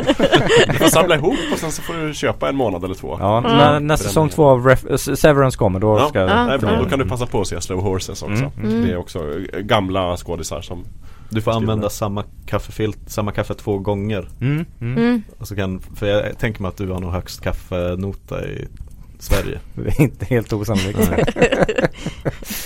Om du generellt är där så kan du hitta Apple TV Plus pengar. Men eh, och också en sån här liten sidoinflikning. Eh, det, här, det här har ju varit året av skådespelare som, som man har sett och uppskattat en gång i tiden som har varit frånvar- frånvarande länge. Ja. Helt plötsligt dyker upp igen. Som Juliette Lewis och Christina Ricci och många andra som, som har varit med i serier som har varit länge sedan jag har sett dem i någonting. Ehm, Anna Paquin har ju också Mm. varit med. Hon är med i Friend of the Family. ja. Eh, och eh, Colin Hanks som, eh, som har sin, sin så här gubb, gubbflint. Eh, han påminner lite om pappan i Alf. Vilket inte är det som man ser Colin, Colin Hanks i vanliga fall. Så, eh, det var lite roligt. Men, men så 2022 har lite varit så här gamla, gamla favoritskådespelare som, som Verkligen. ändå kommer tillbaks. P- Och- PRO-året på något Ja, sätt. exakt. Mm. Det tänkte jag på med uh, Uff vilken blackout jag precis fick Det är tur att jag kan klippa podden efteråt Ehm, Men jag fick samma Jag får suga lite på den karamellen Ja. Om den kommer tillbaka. Väldigt pinsamt Jo, nej men eh, The White Lotus säsong 2 Mm. Att det är samma sak där Fast ändå inte Det dök upp en tråd på Reddit som hyllade Nu ska vi se om jag tar kombinationen av namn rätt Du får live ko- kolla Heter han F. Murray Abraham eller heter han Abraham F. Murray? Han som spelar Salieri F, i F. Murray Abram. Tack, då hade jag rätt första gången ja. Mm. Ehm, För han är med i White Lotus säsong 2 Mm. Just det. Eh, Och då var det en tråd på Reddit som var så här. Han är tillbaka Men alla kommentarerna var ju Nej nej nej. Han har aldrig försvunnit Nej.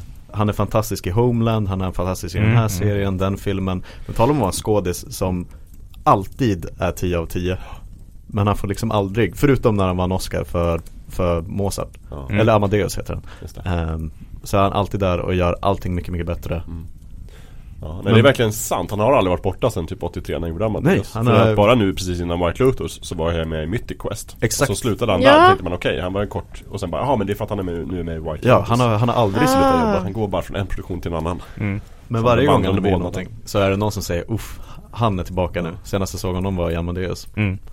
Men mm, F. Murray Abraham. det är så bra namn Mm. Nästan lika bra som Antonio Salieri. Och Antonio Banderas. Vad är det Banderas ska dyka upp i nu snart? Uh, Mästerkatten är igen. Shit vad den har fått bra betyg. Har den det? Mästerkatten i stövlarna uppföljaren. Mm. Nej, jag har, inte, jag har inte läst någonting om. Men Banderas ska också vara med i något annat. Fan är det inte han som är skurken i Dead Reckoning? Alltså nya Mission Impossible. Det låter osannolikt men det vore skitkul Det är en ja, ja. Forcer och det är inte den du menar. Ja kanske Den ska ju vara med i. Maybe baby Mm. Ja, äh, jag gillar Banderas Annars då Puss in Boots, The Last Wish. Ser Mm. vi faktiskt fram emot. För de visade en trailer på den igår när jag var på bio. Ja, Men det var en så konstig trailer för det var ingen riktig trailer utan de visade typ en Mercedes Det var som en liten dok- Vad är det som en Nej, det var som en liten metatrailer? dokumentär Ja, Det just det, var det som såg jag också. material som skulle följa med på DVD-skivan Ja, Och det var så gjorde här, det. Ni har ju inte sålt in mig på filmen än Ni kan Nej. inte sitta och prata om hur roligt det var att Åh, göra det var så den roligt. Ja, jag, det, så bara, Vi har verkligen jobbat med det här och grafiken bla Ja, bla bla bla, bla. det såg jag också. Kan ni inte visa något från filmen så kanske jag blir engagerad oh, ja. Men eh, det är klart att man kan se den den kanske är så hela filmen. Man pratar om hur det var att gjord- göra filmen. Tenacious D, så det handlar inte om filmen, det är hur vi gjorde den här filmen som ingen får se.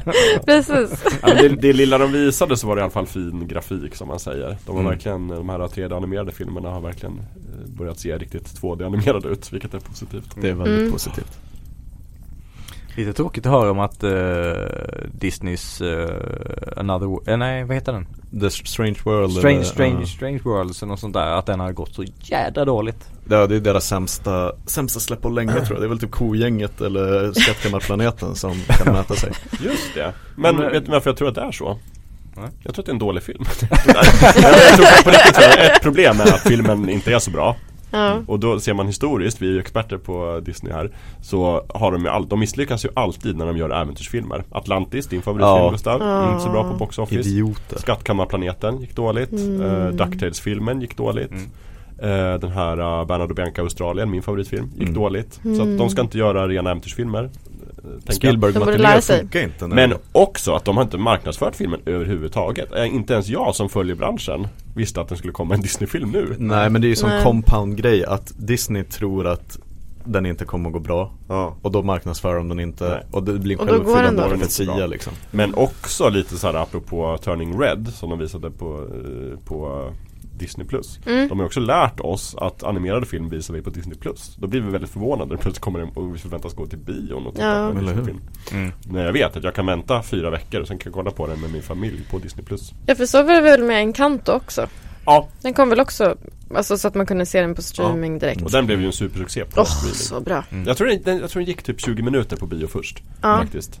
Den Om ni vill se den gick upp 20 Den minuter. gick upp väldigt kort, eller bara på några bios. Ja. Men sen kom den nästan direkt på streaming. Det har ju varit Ja. lite konstigt i världen vet vi. Sådär. Det var Covid det konstigt på. Disney Ja. också. Ja, Nu, nu är Bob Iger tillbaka. Också, vad ska vi säga, en helskotta? flamkrypare. Ja, inte, vi måste ta ett avsnitt om Disney. Ja, så spännande. Jag tyckte det var superintressant att han kom tillbaka. Och så skrev du det till oss och Ja, ingen men jag skrev det i alla snackkanaler jag är med i. Alla, ingen reagerade någonsin. Jag länkade så här intervjuer med Bob Iger. Kolla här, det här är liksom för ett halvår sedan. Jag pratar om det nu och han är så smart. Kolla vad han har gjort. Liksom det. Och då bara, vadå? Bob som Bob? Sa folk. Skit eller vem som, vem som äger Disney. någonting, men det tycker jag är väldigt intressant. Ja. Vilket år? Är det, är det någon här som hade förberett något julkul till det här avsnittet? Som Ja, vi, inte, vi har inte pratat om spel. Nej, vi ska Du ta bara, det. jag har min tänkte lista. Först, eh, är det inte en paus om någon vill dra upp någonting annat? Annars så går vi in på spel. Mhm. Såklart, vi ska inte avsluta. Man kanske kan hämta lite vatten. Det kan man göra Ja, om man vill. Annars så, annars så tar vi lite spelsnack och sen så önskar vi god jul. Men Mm. hade, för du, vill du prata om något om skräck? Ja, men jag tror det kan bli lite för långt. Okej, men vi kan Ja. spara det. Ja, vi- Prata om Kan speci- specialavsnitt. Specialare ja. Du ska få Mm. ha ditt skräckavsnitt. Jajamän. Jag går och Men hämtar kan, vi, kan vi testa ett nytt grepp? Kan du slänga in en juljingel så går jag och hämtar kaffe Absolut, och, ja. juljingeln kommer här. Det kommer vara juljingel hela tiden. Så ska jag också ha lite.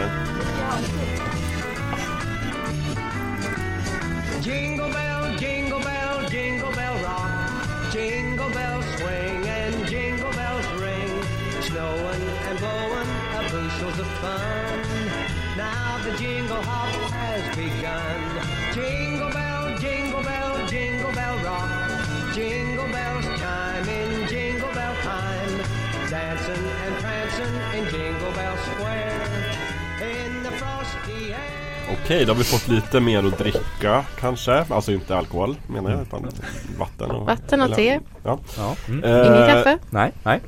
Ska vi ta och prata lite om spelåret 2022 då? Mm. Där är en kategori där jag erkänner att jag har enorma luckor. Mm. Jag också. Dels har jag dålig koll. Dels har jag spelat lite. Mm. Så att jag lämnar ganska mycket till er. Men du kan uppskatta att det har varit 2022 var ett bra spel då? Jag vet att Elden Ring kom 2022 Ja. och har gjort eh, stort avtryck i alla möjliga. Och det finns många YouTube-videor om det. Vann, vann väl massa priser? Massa priser. Eller bästa spel fick Mm. den va? Och sen vet jag att Gods of War Ragnarök har släppts. Ja, Och det fick väl hyllat. flest priser tror jag. Och sen vet jag Men inte det andra. bästa priset. Nej, Men vi kan väl börja med att säga det att vi, eh, nu spelar vi in det här den 11 sept- eh, december eh, Gud, vilken, vilken Freudian eh, Och det, det, det är bara några dagar sedan The Game Awards eh, Ja. briserade um, Och The Game Awards är han Jeff Keely Ständigt denna Jeff Keely Mm. Eh, En amerikansk spelprofil eh, Alltså spelkritiker Mm. Som vår, vår vän Jocke Benett har lite tveksam inställning till. Ja exakt Han syns lite för ofta Mhm. Eh, Och det är därifrån eh, Han är lite som Filip och Fredrik. Eh, Typ, men då finns det säga att han brukar alltid referera till Hideo Kojima som min vän Ja. Ko- Kojima Mm. Okej. Eh, Och jag älskar vara lite tjenis med, Mm. ja Och nu, det är ett faktum att E3 dog en ganska ovärdig död Den här stora mässan där Mm. alla spel avtäcks Mm. och det är i maj-juni Och Kira har gjort sitt bästa försök att ersätta E3 Mhm. M- Och jag måste säga ändå att Både under sommaren och med Game Awards. Ja, han har ju någon sån Summerfest under Mm. sommaren. Men jag måste säga att The Game Awards har ett lyck lyckats ganska väl vid det här laget att skapa en motsvarighet till Oscarsgalan Mm. i spelvärlden. Tidigare var det så att spel vinner 56 stycken Game of the Year Awards Mm. och så Mm. täcker man hela omslaget. Mm. Men det här har börjat befästa sig som den riktiga Game of the Year. Mm. Mm. Och det, det tycker jag blev särskilt tydligt i år. För Al Pacino presenterade priser. Ja. och, och Christopher Judge som, eh, som spelar rösten till eh, Kratos i God of War. Ja, ja, ja.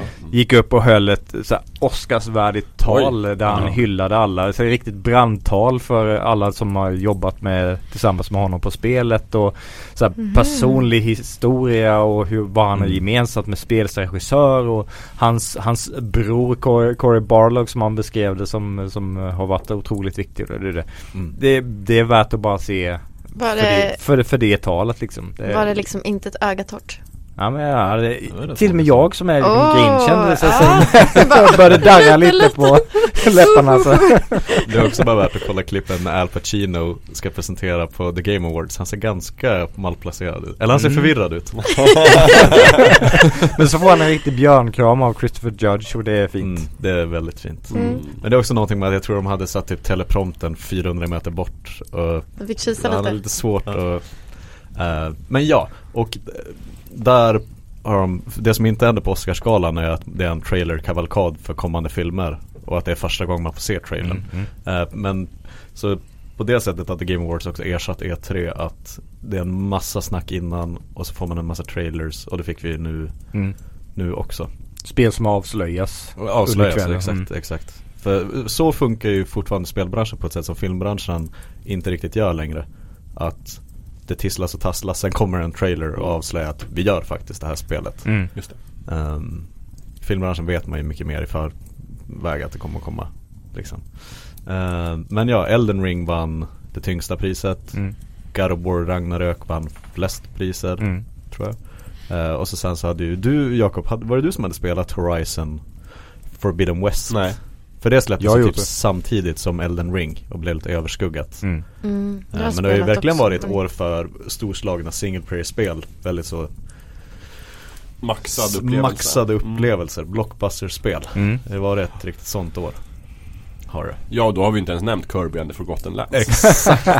Vilket brott. mot, eh, Snacka om single player-upplevelse. Annars måste jag säga att Nintendo har ju mest varit i ropet för att de återigen försöker slakta gräsrotscenen i Super Smash Brothers. Jaså? Ja, Det var en jätteskandal. Eh, i- bara härom, härom veckan. Mm. Med ett, ett företag som blev, fick till slut efter typ tusen år licensierat att göra officiella turneringar. Mhm. Nintendo, det är så mycket men Nintendo kan ju inte online-delen alls Nej. av deras spel. Nej. De Och de, de förstår ju inte det här med att, att folk gör content runt deras skapelser Faktiskt gagnar deras skapelser men det Ja. förstår de ju inte Nej, de, det fattar de inte. Mm. De är Men otroliga Men spel. de vet väl nästan inte vad internet är. Nej. Nej. Vilket är jättebra på ett sätt för jag Mm. tror att vi har inte Nintendo Det vi uppskattar med Nintendo om de inte också helt saknar känsla för internet. De måste ha den interna kulturen för att kunna Ja. göra det de gör Ja. mm. Ehm, Ja, verkligen konstigt. Jag tycker också det är i så fall ännu mer anmärkningsvärt att de har gjort ett som jag tycker är ett av de bästa multiplayer-spelen i år, nämligen Splatoon 3. Mm. Men eh, så märkligt. Man kan göra det utan att fatta ens vad liksom internetscenen är för någonting eller vad. verkligen, verkligen. Även det är en massa ramaskri i e-sportscenen kring Nintendo just nu. Ehm, är det. Mm. Ja. Vill du börja Lövet? Jag, tänker, jag tänker att du har spelat mest. Förlåt Jakob, nu tog jag över Vill du börja Lövet? Det känns som att du har spelat mest. Ja Jakob, via proxy. Det, det kan jag göra. Men jag har inte heller spelat så mycket i år som jag skulle ha velat. Eh, nu släpptes ju nyligen eh, The Callisto Protocol. Mm. skräckspelet från eh, tidigare Dead Space-makarna. Eh, men jag, för, för första gången sen, ja jag vet inte hur länge sedan, eh, recensionsspelade jag åt FZ. Jaha. När det dök upp. Så jag har inte ens hunnit öppna eh, fodralet Oj. på det. Eh, Det har ju fått lite så blandat mottagande. Vissa kritiserar ju striderna och andra tycker inte att det görs mycket originellt jämfört med vad som gjorts tidigare i skräckgenren och andra tycker att det är jättebra. Mm. Men jag kan ju tyvärr inte komma med något eget, någon egen åsikt om det. Eh, Jag var ju, så pratade vi om i förra avsnittet, jag var ju väldigt pepp på det. Och jag är, jag är fortfarande pepp på det. Jag tror, jag tror jag kommer gilla det. Ehm, när det kommer till för jag sa ju precis att jag skiter i vilket så länge är spion är nöjd. Rymdskräck, är du eh, mer kritisk eller är du mer förlåtande? Ehm, jag tror jag har lättare för att bli charmad av rymdskräck. Mm. Det är ju, det är ju min genre både i liksom film och, och spel och allt vad det handlar om. Eh, så är, är, håller det bara en bra nivå så tror jag att jag gillar rymdskräck mer än om det är någon vanlig skräck eh, som, som håller en, en okej nivå. Då kan det vara så ah, mm, okej så glömmer jag bort en vecka senare. Men rymdskräck då är det liksom, mm, det, det fastnar mer. Det gör det. Så jag, jag tror att även om Callisto Protocol har de där bristerna som jag också upplever så kommer jag nog ändå gilla det väldigt mycket. Mm. Det är ju min cup of tea. Mm. Sitter du och myser? Ja men det gör jag. Mm. Mysryser. ju- ja, precis. jag, jag mysryser för att det är så himla, himla läskigt. ja, men ju, ju värre det är desto bättre är det för min del. Ehm, och sen um, Plague Tale Requiem Mm. har jag, har jag också fått, inte hunnit spela. Eh, så det, det och eh, Mario plus Rabbids eh, Sparks of Hope heter det va? Ja, Senaste. Ja. Eh, det, jag gillade ju första spelet väldigt mycket. Mm. Inte underspelade det heller. Eh, så det, det är många luckor för min del också. Men jag har spelat väldigt mycket bra. Ja, vad har du på din lista av det du har spelat? Eh, God of War Ragnarök. Det visste jag ju att det, det skulle bli fantastiskt. Och att jag Mm. skulle, jag har ju varit ett stort fan sedan första spelet. Så det var ju inget snack om att det skulle vara ett, ett Så stort. Så stort fan. Gigantiskt. Sträcker ut bra. med Jag, jag, alla kan, händer. jag kan inte ens nå upp hur, hur stort det skulle vara. För Eh. extra armar. Korvfingrar, korvfingrar. Korvfingrar! Det, det är korvfingrar bra. Världens längsta korvfingrar. Eh, och och liksom, storymässigt är det ju fantastiskt bra. Mm. Eh, gameplaymässigt, speldesignmässigt. Mm, det håller inte riktigt 2018 nivå faktiskt. God of War 2018. Ehm, det, mär- jag tycker det märks att de har utformat det här spelet för att kunna köras både på PS4 och PS5. Eh, så det är en del så typ så här fiendekorridorer eller så här linjära sektioner eh, som man färdas längs med. Och hade de bara designat spelet för PS5 med liksom det snabba minnet och eh, SSD så du kan bara streama data i realtid, liksom flera gigabyte per sekund. Så att, eh, det känns som att hade de, ba- hade de bara satsat på PS5 så hade de inte behövt ha en så eh, lite stundtals för, Ja. förlegad speldesign. bakbundna av gammal hårdvara. Precis, precis. För PS, inte- PS4 klarar ju inte den, den sortens öppna världar som Nej. en PS5 skulle kunna klara. Jag är förvånad att mitt PS4 fortfarande går att starta liksom. Eh, Motvilligt gör det. Men Ja. Men, men sen är det också så här, i striderna har de gjort vissa förändringar som eh, jag tycker att kameran är, ett återkommande problem eller att, Mhm. att det kommer attacker från, eh, från någonstans som man inte- kan se. Vilket inte var ett, alls ett stort problem i 2018. Eh, och när man möter tuffare fiender eller liksom så här bossfiender så tycker jag att i 2018 där, där kan man även om man fick spö mot en boss så kunde jag ändå känna att ja, men nu börjar jag komma in i en, en rytm här så att nästa gång jag försöker så kommer det gå ännu bättre. Mm. Och sen så lär mig, blir jag ännu bättre på spelmekaniken och så försöker jag en gång till och sen till slut klarar jag det så, och så blir jag jätteglad. Här är det så att man, här, här vet, jag vet vad jag ska göra men stridssystemet, kamerasystemet, eh, fiendemönster och sånt det gör att jag, jag kan åka på en smäll som jag egentligen vet att den fienden ska göra men jag kan inte riktigt läsa situationen eller kameravinkeln och Mm. allt vad det handlar om. Så eh, det, det, de bristerna, trots att det är ett fantastiskt bra spel, gör att det inte blir årets spel för min del. Och det hade jag väntat mig innan Mm. att det skulle bli faktiskt. Ehm, vilket är lite synd. Men det är ju som sagt jättebra spel och eh, det är egentligen samma sak med Horizon Forbidden West. Det är också ett väldigt bra spel men inte på nivå med första spelet. Mm. Eh, det första spelet är storymässigt bättre balanserat, temposatt. Ehm, och eh, tycker st- striderna funkar lite bättre där också. Ehm, så det är lite av, lite av att här, de, de förväntade storspelens, inte misslyckande, men att de skjuter lite under ribban. med vad jag förväntat mig. Och då är ribban jätte, jättehögt upp. Ja. Men de skjuter ändå lite under. Eh, det har varit mycket av den varan i år.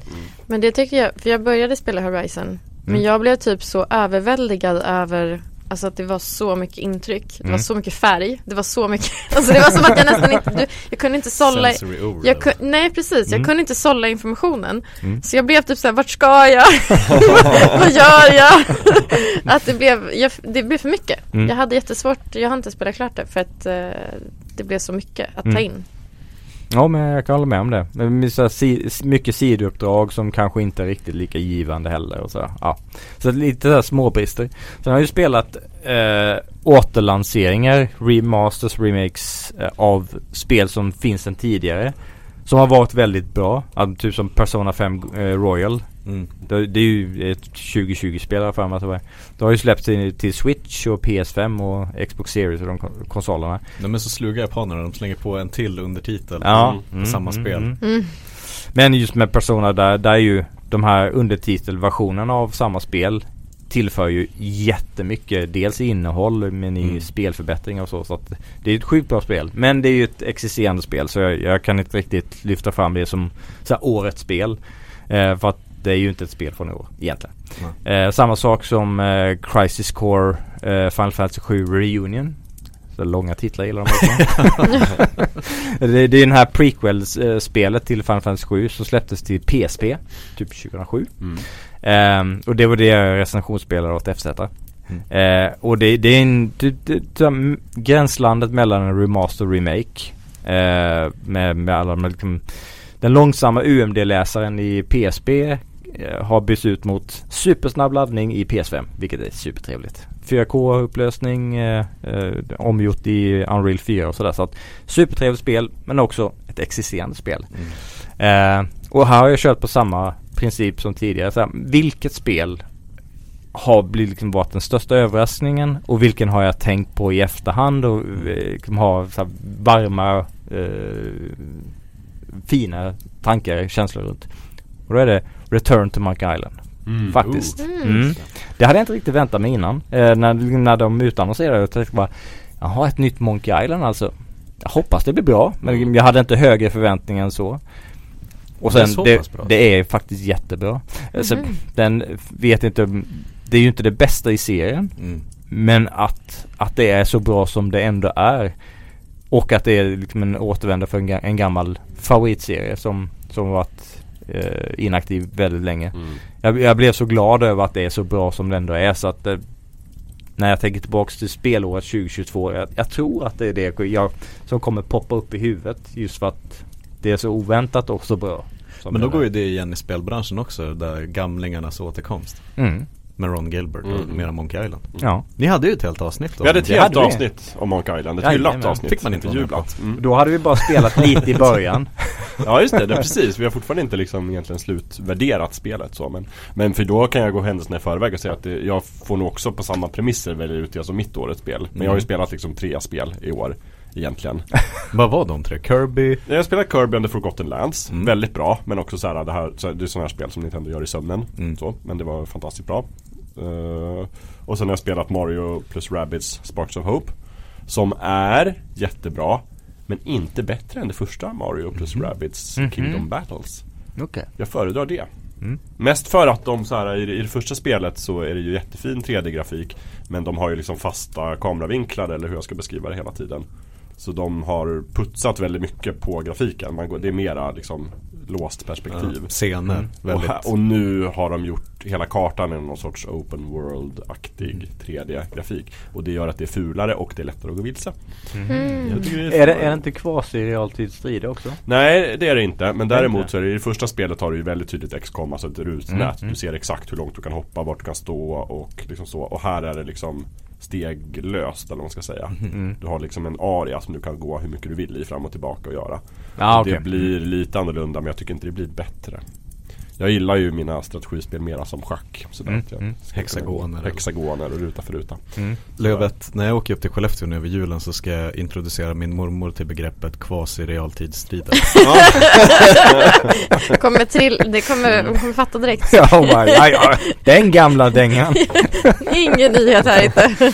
När jag var ung, då pratade vi jämt om kvasi realtidsstrider. nej, men, nej, men bå, båda de två är liksom typiskt bra Nintendo-spel och jag har eh, mycket Jag har haft mycket roligt med Kirby och jag har framförallt mycket roligt kvar med Mario plus Rabbids Eh, Men just där då, Return to Monkey Island Det slog ju an sådana strängar då Mm. Just att Ron Gilbert kom tillbaka, man fick återträffa världen, karaktärerna Manus och dialog är så himla bra och så här. Sen är det ju liksom tekniskt sett kanske inget imponerande spel på det sättet Nej. Det är väldigt mycket vad det är, det är peka och klicka och Men jag har inga gjort- problem med presentationen heller. Inte jag heller, nej. Nej. Men sen så tycker jag ändå att de har gjort det så Jag tycker ändå det märks att det är ett 2022-spel och inte ett 1990-spel Det är inte ett retrospel på det sättet för de har lagt in liksom Sköna saker som man inte gjorde då i spelet så det är Ganska snälla guidesystem Väldigt och bra sådär. och snälla och mjuka guidesystem Mm. så. Man blir inte helt spoilad bara för att man får lite hjälp Nej. Så att det är jättebra och röster och liksom alltihopa. Eh, spelet som eventuellt skulle ha kunnat vara årets spel men som jag inte har hunnit spela det är ju det här eh, Marvels Midnight Suns som är liksom från XCOM Mm. studion. Det- För där är det ju också liksom taktik, taktiska Mm. strider och sådär. Så det ser jag fram emot men har inte hunnit. Nej. Men ja, Monkey Island. Heja heja. Mm. Just det, jag glömde ju nämna Xenoblade Chronicles 3. Släpptes till Switch i år också. Mm. Det är väldigt bra. Eh, mycket bättre än tvåan. Eh, och och, och de, de, det är bara en lös koppling till tidigare spel. Så har man spelat ettan eller tvåan. Nu finns ju ettan också som Definitive Edition på Switch. Mm. Men man, man kan ju spela dem fristående från varandra. Mm. Och trean är, den är, det är jätte, jätte, jättebra JRPG. Eh, så om vill man spela något på Switch och inte har spelat igenom Persona 5 Royal än så kan jag rekommendera Mm. det. Gud vad mysigt. Det har varit ett bra JRPG-år. Mm. Det gillar ju du Lövet. Det gillar jag. Är du glad? Då blir man verkligen glad. Ja. Amanda då? Eh, Spelat lite på Horizon? Ja, Forbidden men alltså West. det är typ det. Jag har varit så fruktansvärt dålig i Det har inte år. varit ett spelår? Nej, det har verkligen inte varit det. Eh, Jag har ju, bara, jag har ju mest bara spelat brädspel. Det är också spel. Ja, Mm. och då har jag ju spelat ett spel som jag tycker är, det låter på pappret inte så kul. Men det är jätte, jättemysigt och jätteroligt för att man kan göra Man kan ha så många olika strategier och det kan fortfarande funka. Ehm, och du och jag har en gemensam kompis som heter Lisa. Mm. Som hon är som en så här brädspelsnarkoman. Mm. Så hon vill spela hela tiden och hon snör in på ett spel och det enda hon vill spela. Så vi har spelat väldigt mycket Wingspan. Mm, precis, och hon säger det första när hon vaknar på morgonen så sätter hon sig raklång upp i sängen och säger Wingspan. Jag vill spela. och det innan här dess. tipsade du om redan i somras Ja, också. men just, jag har pratat om det. Ja. Men det måste jag säga faktiskt, det håller fortfarande. Mm. Sen dess har jag spelat det också Mm. några gånger och eh, kan hålla med om att det är ett väldigt trevligt brädspel Mm. för alla åldrar. Man kan liksom välja, man måste, det är så många saker man kan liksom få poäng på. Så man måste hålla många bollar i luften samtidigt och komma ihåg så här, just det, man måste kolla, komma ihåg mina bonuskortspoäng, jag måste komma ihåg äggpoängen, jag måste komma ihåg fågelpoängen och Precis. uppdragspoängen. Mm. Habitatpoängen. Ja. Men är det ett åtta timmars brädspel eller ett två timmars brädspel? Nej, Nej, två timmar minst. det- ja. Eller mest. Max. Max. Ja. Jag skulle säga, om man kan spela det också, det är inte så många spel som är bra när man spelar två. Mm. Men det funkar jättebra på två. Eh, och då kanske det tar typ en timme. Ah, Mm. okej. Så då kan man spela flera det- omgångar. Men det skulle jag för att säga att det är faktiskt värt Årets spel. Mm. årets spel. Och så vackert också, det gillar ju du. Otroligt När det är vackert. fina kort och små ägg i plast och sådär. Och äggen är också lite, de är inte bara hårdplast, de är liksom lite, lite mjuka. Mm. Det, Klämma på dem lite som en stressboll. men det tycker jag ändå, det ska man inte underskatta. Jag har också spelat Everdell väldigt mycket. Mm. Då man, då man liksom är i en skog och så ska man, och så är det årstider som går och så ska man samla ihop saker och så här.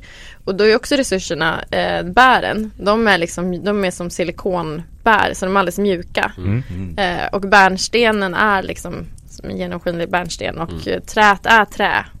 Och så här. Taktila ska man inte missa. Man Nej. verkligen inte missa. Det är För om man inte vill ha det taktila då kan man ju spela på Playstation. Exakt. Precis. Fast nu kommer man inte undan det för nu är nya Playstation-kontrollen väldigt taktil. Just det, Ja. man skulle kunna få den här rö- rönnbärskänslan. Precis. Precis. Full circle. Rönnbär. När en handkontroll kan ge känslan av ett rönnbär Då har är det vi kommit långt. Då är vi hemma. Då är, det är Skynets territorium. Just det. Men, men eh, det var så kul att du nämnde brädspel Amanda för att det, det här är inte någonting som händer nu. Men jag stoppar ner, jag planterar redan nu. Att eh, någon, Jakob nu får du hjälpa mig som lite äldre. Mm. Typ någonstans där när, samtidigt som Frans Ferdinand blev skjuten i Sarajevo Ja, Så släpptes ett fantastiskt spel som heter Heroes of Might and Magic 3 just det. Där kan vi snacka eh, hexagoner Gud ja. Eh, ja, det är ett äventyrsstrategispel Mm. som utspelar sig i en så ganska gotisk eh, fantasyvärld. Mm. Som är så väldigt mysryslig som bäst. Tvåan och trean kan nog vara de spel jag lagt ner mest tid på Ja, i, ja. genom tiderna. Helsike vad jag har det, spelat den genre överlag kan vara det, en genre jag har lagt ner Lagt ner mest mest tid på. Är det, hur lång tid tar det att spela? Lång det kan tid. ta flera, flera, flera Du timmar. behöver aldrig Ja. sluta nu. Är det så åtta Nej. timmars spel? Mm. Ja. Och du, du kan köra så här skirmish-banor där du bara drar runt och samlar på dig resurser och slåss mot eh, fiender och Ja. hur länge som helst. Mm. Det är Mm. makalöst. Men det är en liten utdöd konst att göra sådana spel. De är Ja. inte på modet just nu. Mm. Eh, och framförallt så är musiken helt fantastisk Mm. i det där spelet. Det händer typ en gång i månaden att min kompis Mattias skickar ett av ledmotiven från det spelet. Och så sitter jag får lite gåshud på bussen. Eh, men det som hände var att en polsk, för det, det eh, IP ligger hos Ubisoft.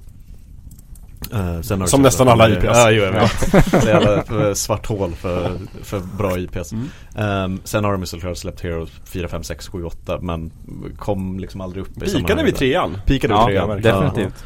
Ehm, men i alla fall, så en polsk uh, brädspelstudio lyckades få det licensierat. Så att det finns en Kickstarter, den är över nu. Men som snurrade i slutet på oktober, Mm. eh, november och sådär.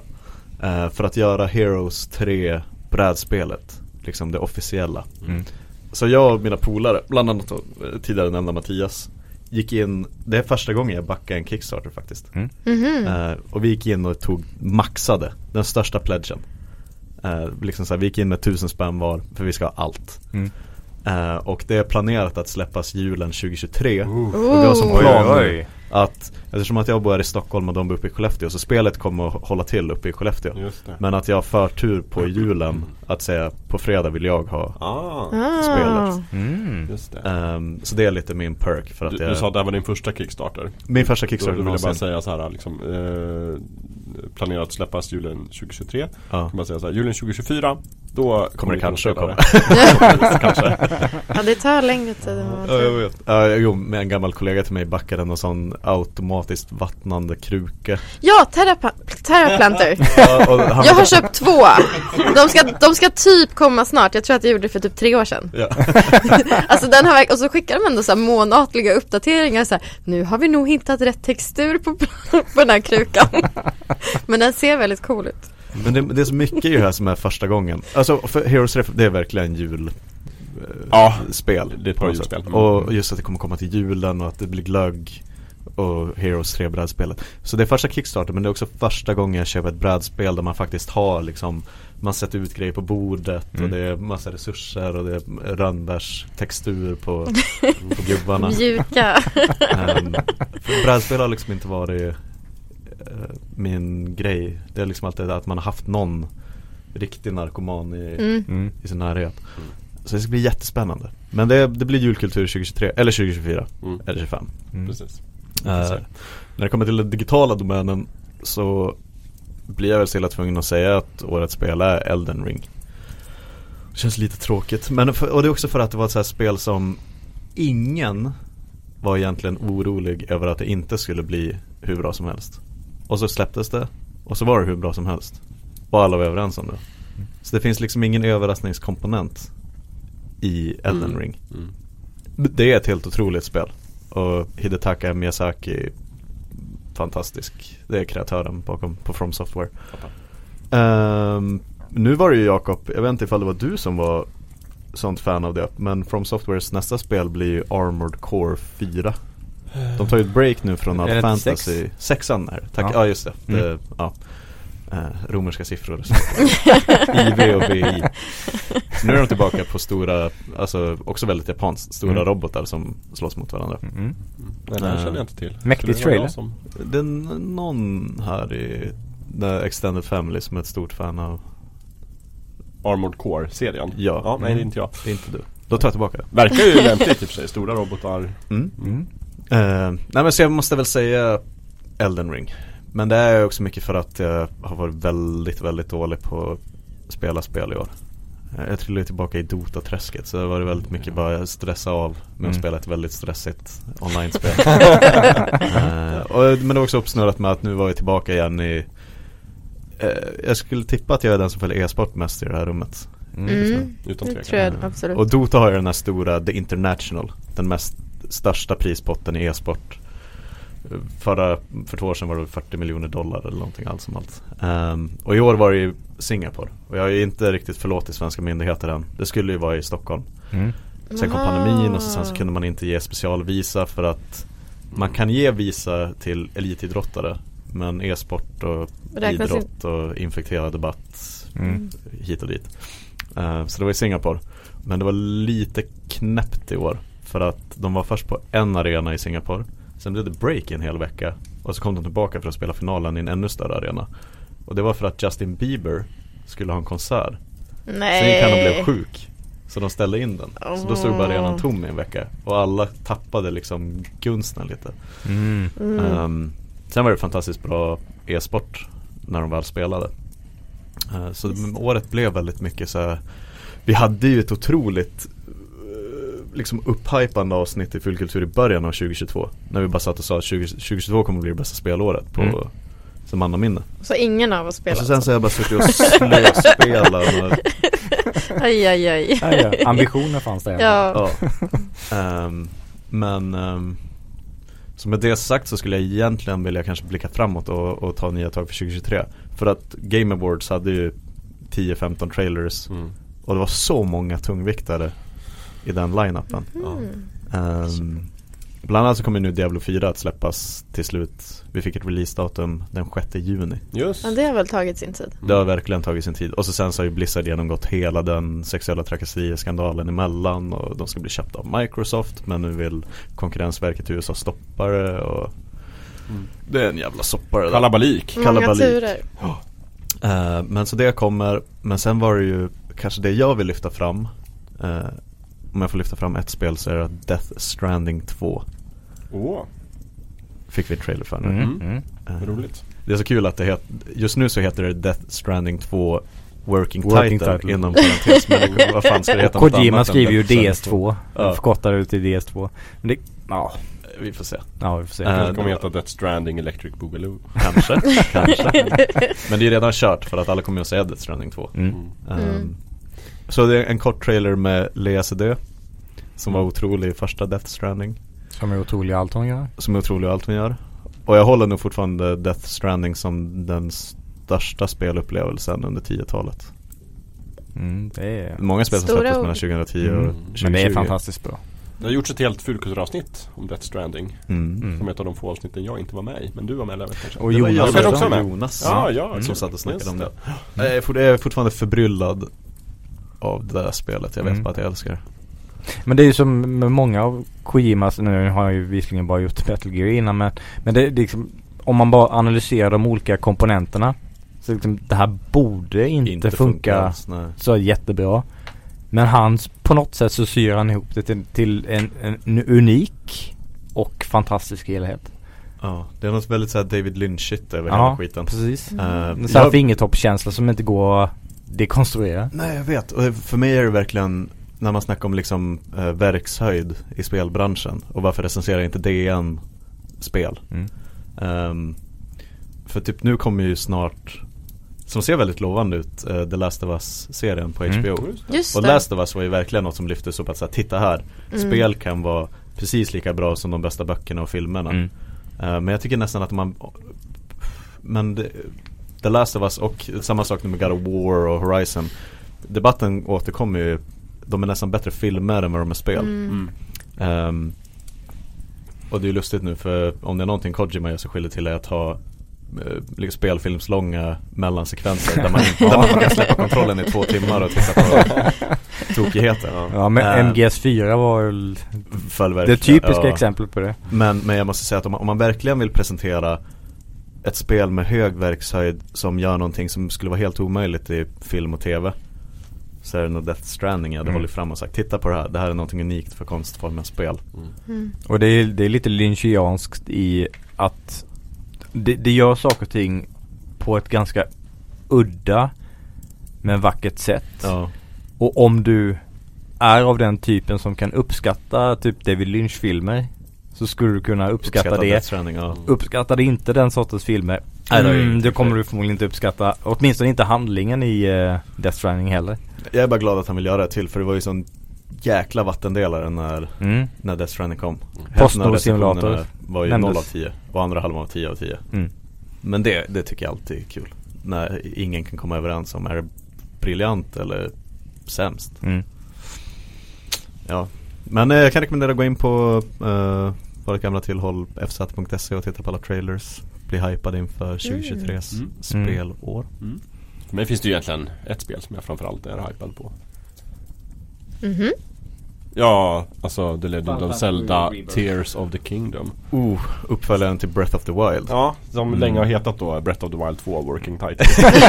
Men som nu heter Tears of the Kingdom. Mm. Eh, och det kommer bli jättebra naturligtvis. Mm. Det, det kommer Ja, Oh ja. och så. Tyvärr inte Final Fantasy. Ännu. Jag, den, den serien har fortfarande inte fått mig.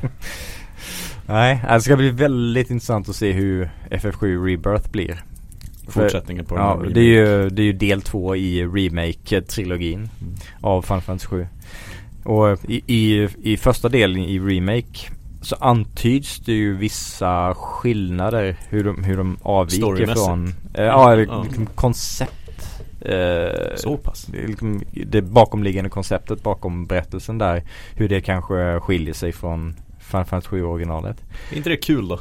det, att det är kul, det kan bli dåligt Det kan bli någonting nytt och eller om det blir någonting nytt och bra Så förvanskar ju inte det hur bra Final Fantasy spela 7 originalet. originalet Exakt, Mm, exakt mm, mm. Så, men det kan också bli att de spacear iväg och att det blir någonting pajigt av det. Mm.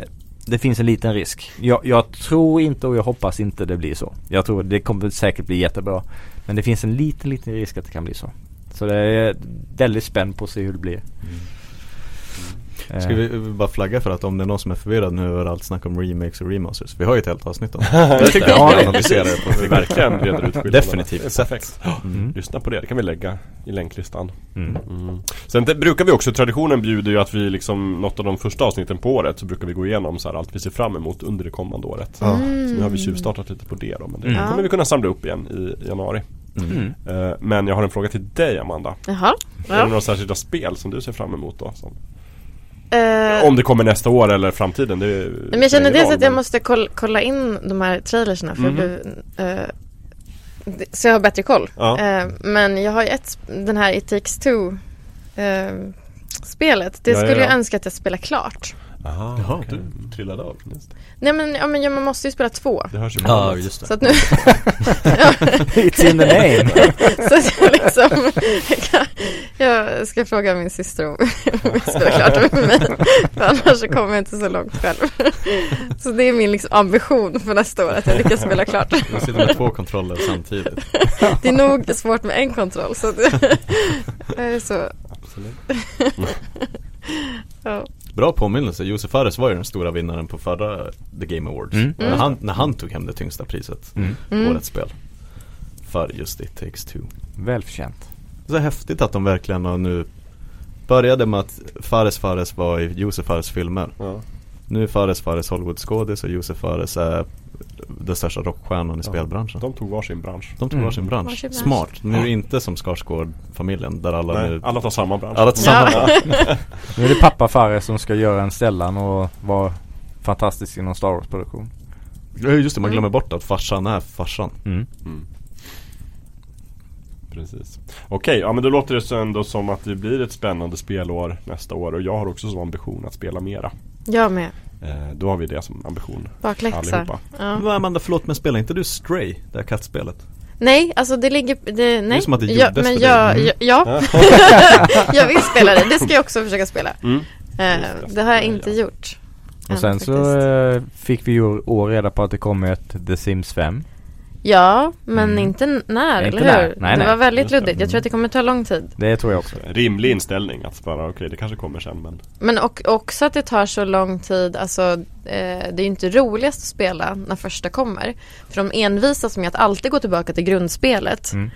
Där, ing- där man inte kan göra någonting. Och man har inga möbler och allting är skittråkigt. det. Och sen måste man typ vänta i så här tre år innan det finns rimligt många expansioner som gör det roligt att spela.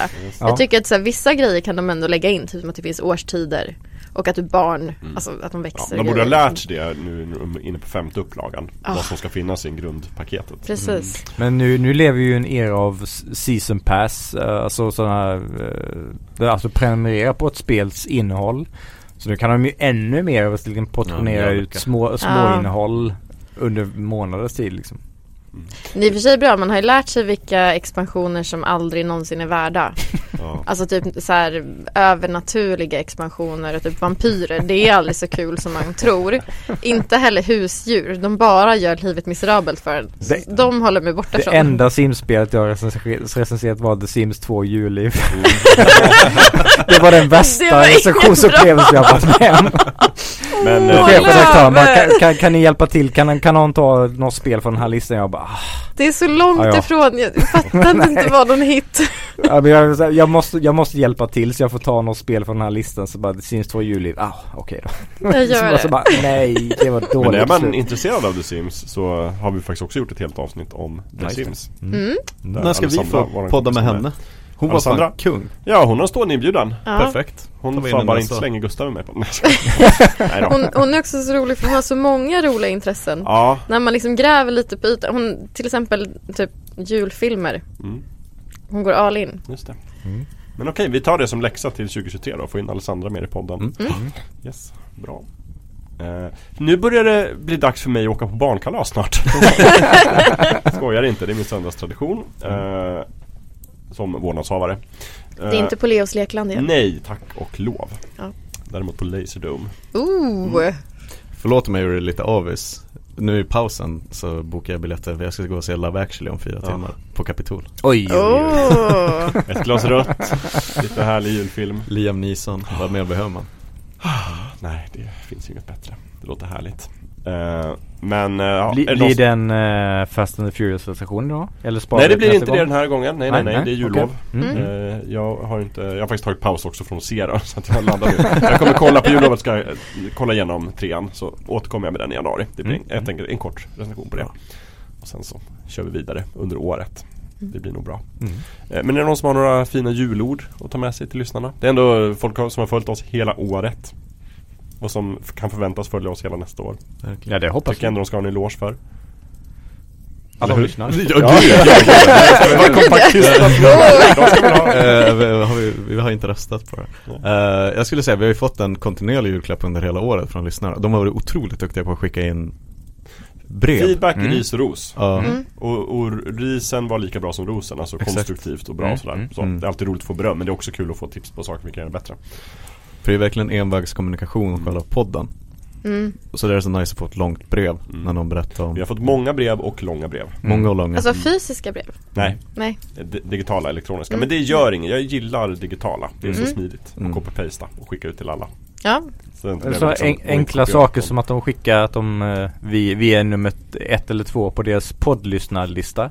Det är ju Har de bara skrivit trevligt det? bara. Vi, du är nummer ett eller två. Ja, de har skickat så här skärmdumpar Ja just det, ja, ja precis, ja, ja precis, Mm. exakt. Jätte, jättebra. Det, är- det är Eller bara såhär uppskattas. berätta, tack vare er har jag upptäckt det här och det här. Mm. Mm. Sånt värmer. Verkligen. Eller tack vare er så vet jag att jag inte ska lyssna på det här. Mm. Eller titta på. Det Mm. värmer också. Jag blir fortfarande, jag kommer tillbaka i mina tankar till det här brevet vi fick av våran lyssnare som gjorde det väldigt tydligt att i vanliga fall så lyssnar jag bara på finkultur, typ Just opera. Så det är så fint att få höra, det är som att åka på lite full, fullkulturell safari att höra er berätta om Marvel och tv-spel. ja. ja, det är fint. Men det var så härlig inst... Ja, det var, det var ett pang bra mig Ja alltså. det var det. Så lyckades vi namedroppa am- filmen Amadeus eh, idag, Idag. igen. Ja. Mm. Så det fanns någonting för det Mm. också. Det är lite av en tradition. Jag skulle vilja efterfråga, kan ni skicka in, liksom, om ni har något som verkar så här, eh, formativt verk i juletider? Som kanske är lite oväntat, vore häftigt. Mm. Att det är så att Batherys eh, första album är julen för mig typ. Jag skriver in och vittna om det. Ja, Mm. Bär vittne i juletid. Det tycker jag. Och sen så är det väl så här då att vi är tillbaka under 2023. Nu ska vi ha kort jullov men vi är Mm. tillbaka i januari som vanligt. Mm. Eh, vi ska försöka ge ut lite fler avsnitt nästa år. Men kanske lite så här kortare marstid sådär. Mm. Kort tågordning. Så det blir lite kanske fler men kortare avsnitt. Uppblandat med de här lite längre massiva avsnitten som vi har. Mm. Vi får se hur det går i praktiken. Men vi har en ambition i alla fall. Jag vill ogärna lova. Du Ja, hint- hellre men, men du hintar. När vi har en ambition. Ja, mm. Hinta och säga Hinta. att det här ska vi försöka göra. Men våra lyssnare är kloka, de kan skilja på ett löfte och en ambition. Mm. Så är det. eh, och sen så, om inte annat så i alla fall så ses vi i januari. Då, Ja. hörs. Då är Mm. vi tillbaka. Så får vi önska alla lyssnare en god och fridfull julhögtid. Och gott God. nytt år! Och ett gott nytt år. Och ett gott nytt år ja. Just Ja. det. God jul och gott Mm. nytt år alla. Just det. Och så säger vi puss och kram. Puss och kram! Så går vi ut med en riktigt smäktande julballad.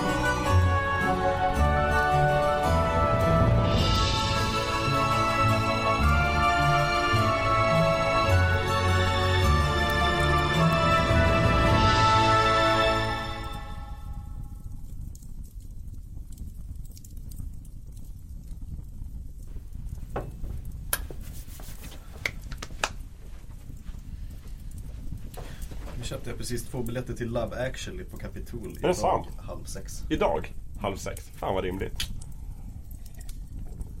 Är det du och jag som ska gå eller är det någon annan? Nej, det, I wish I could.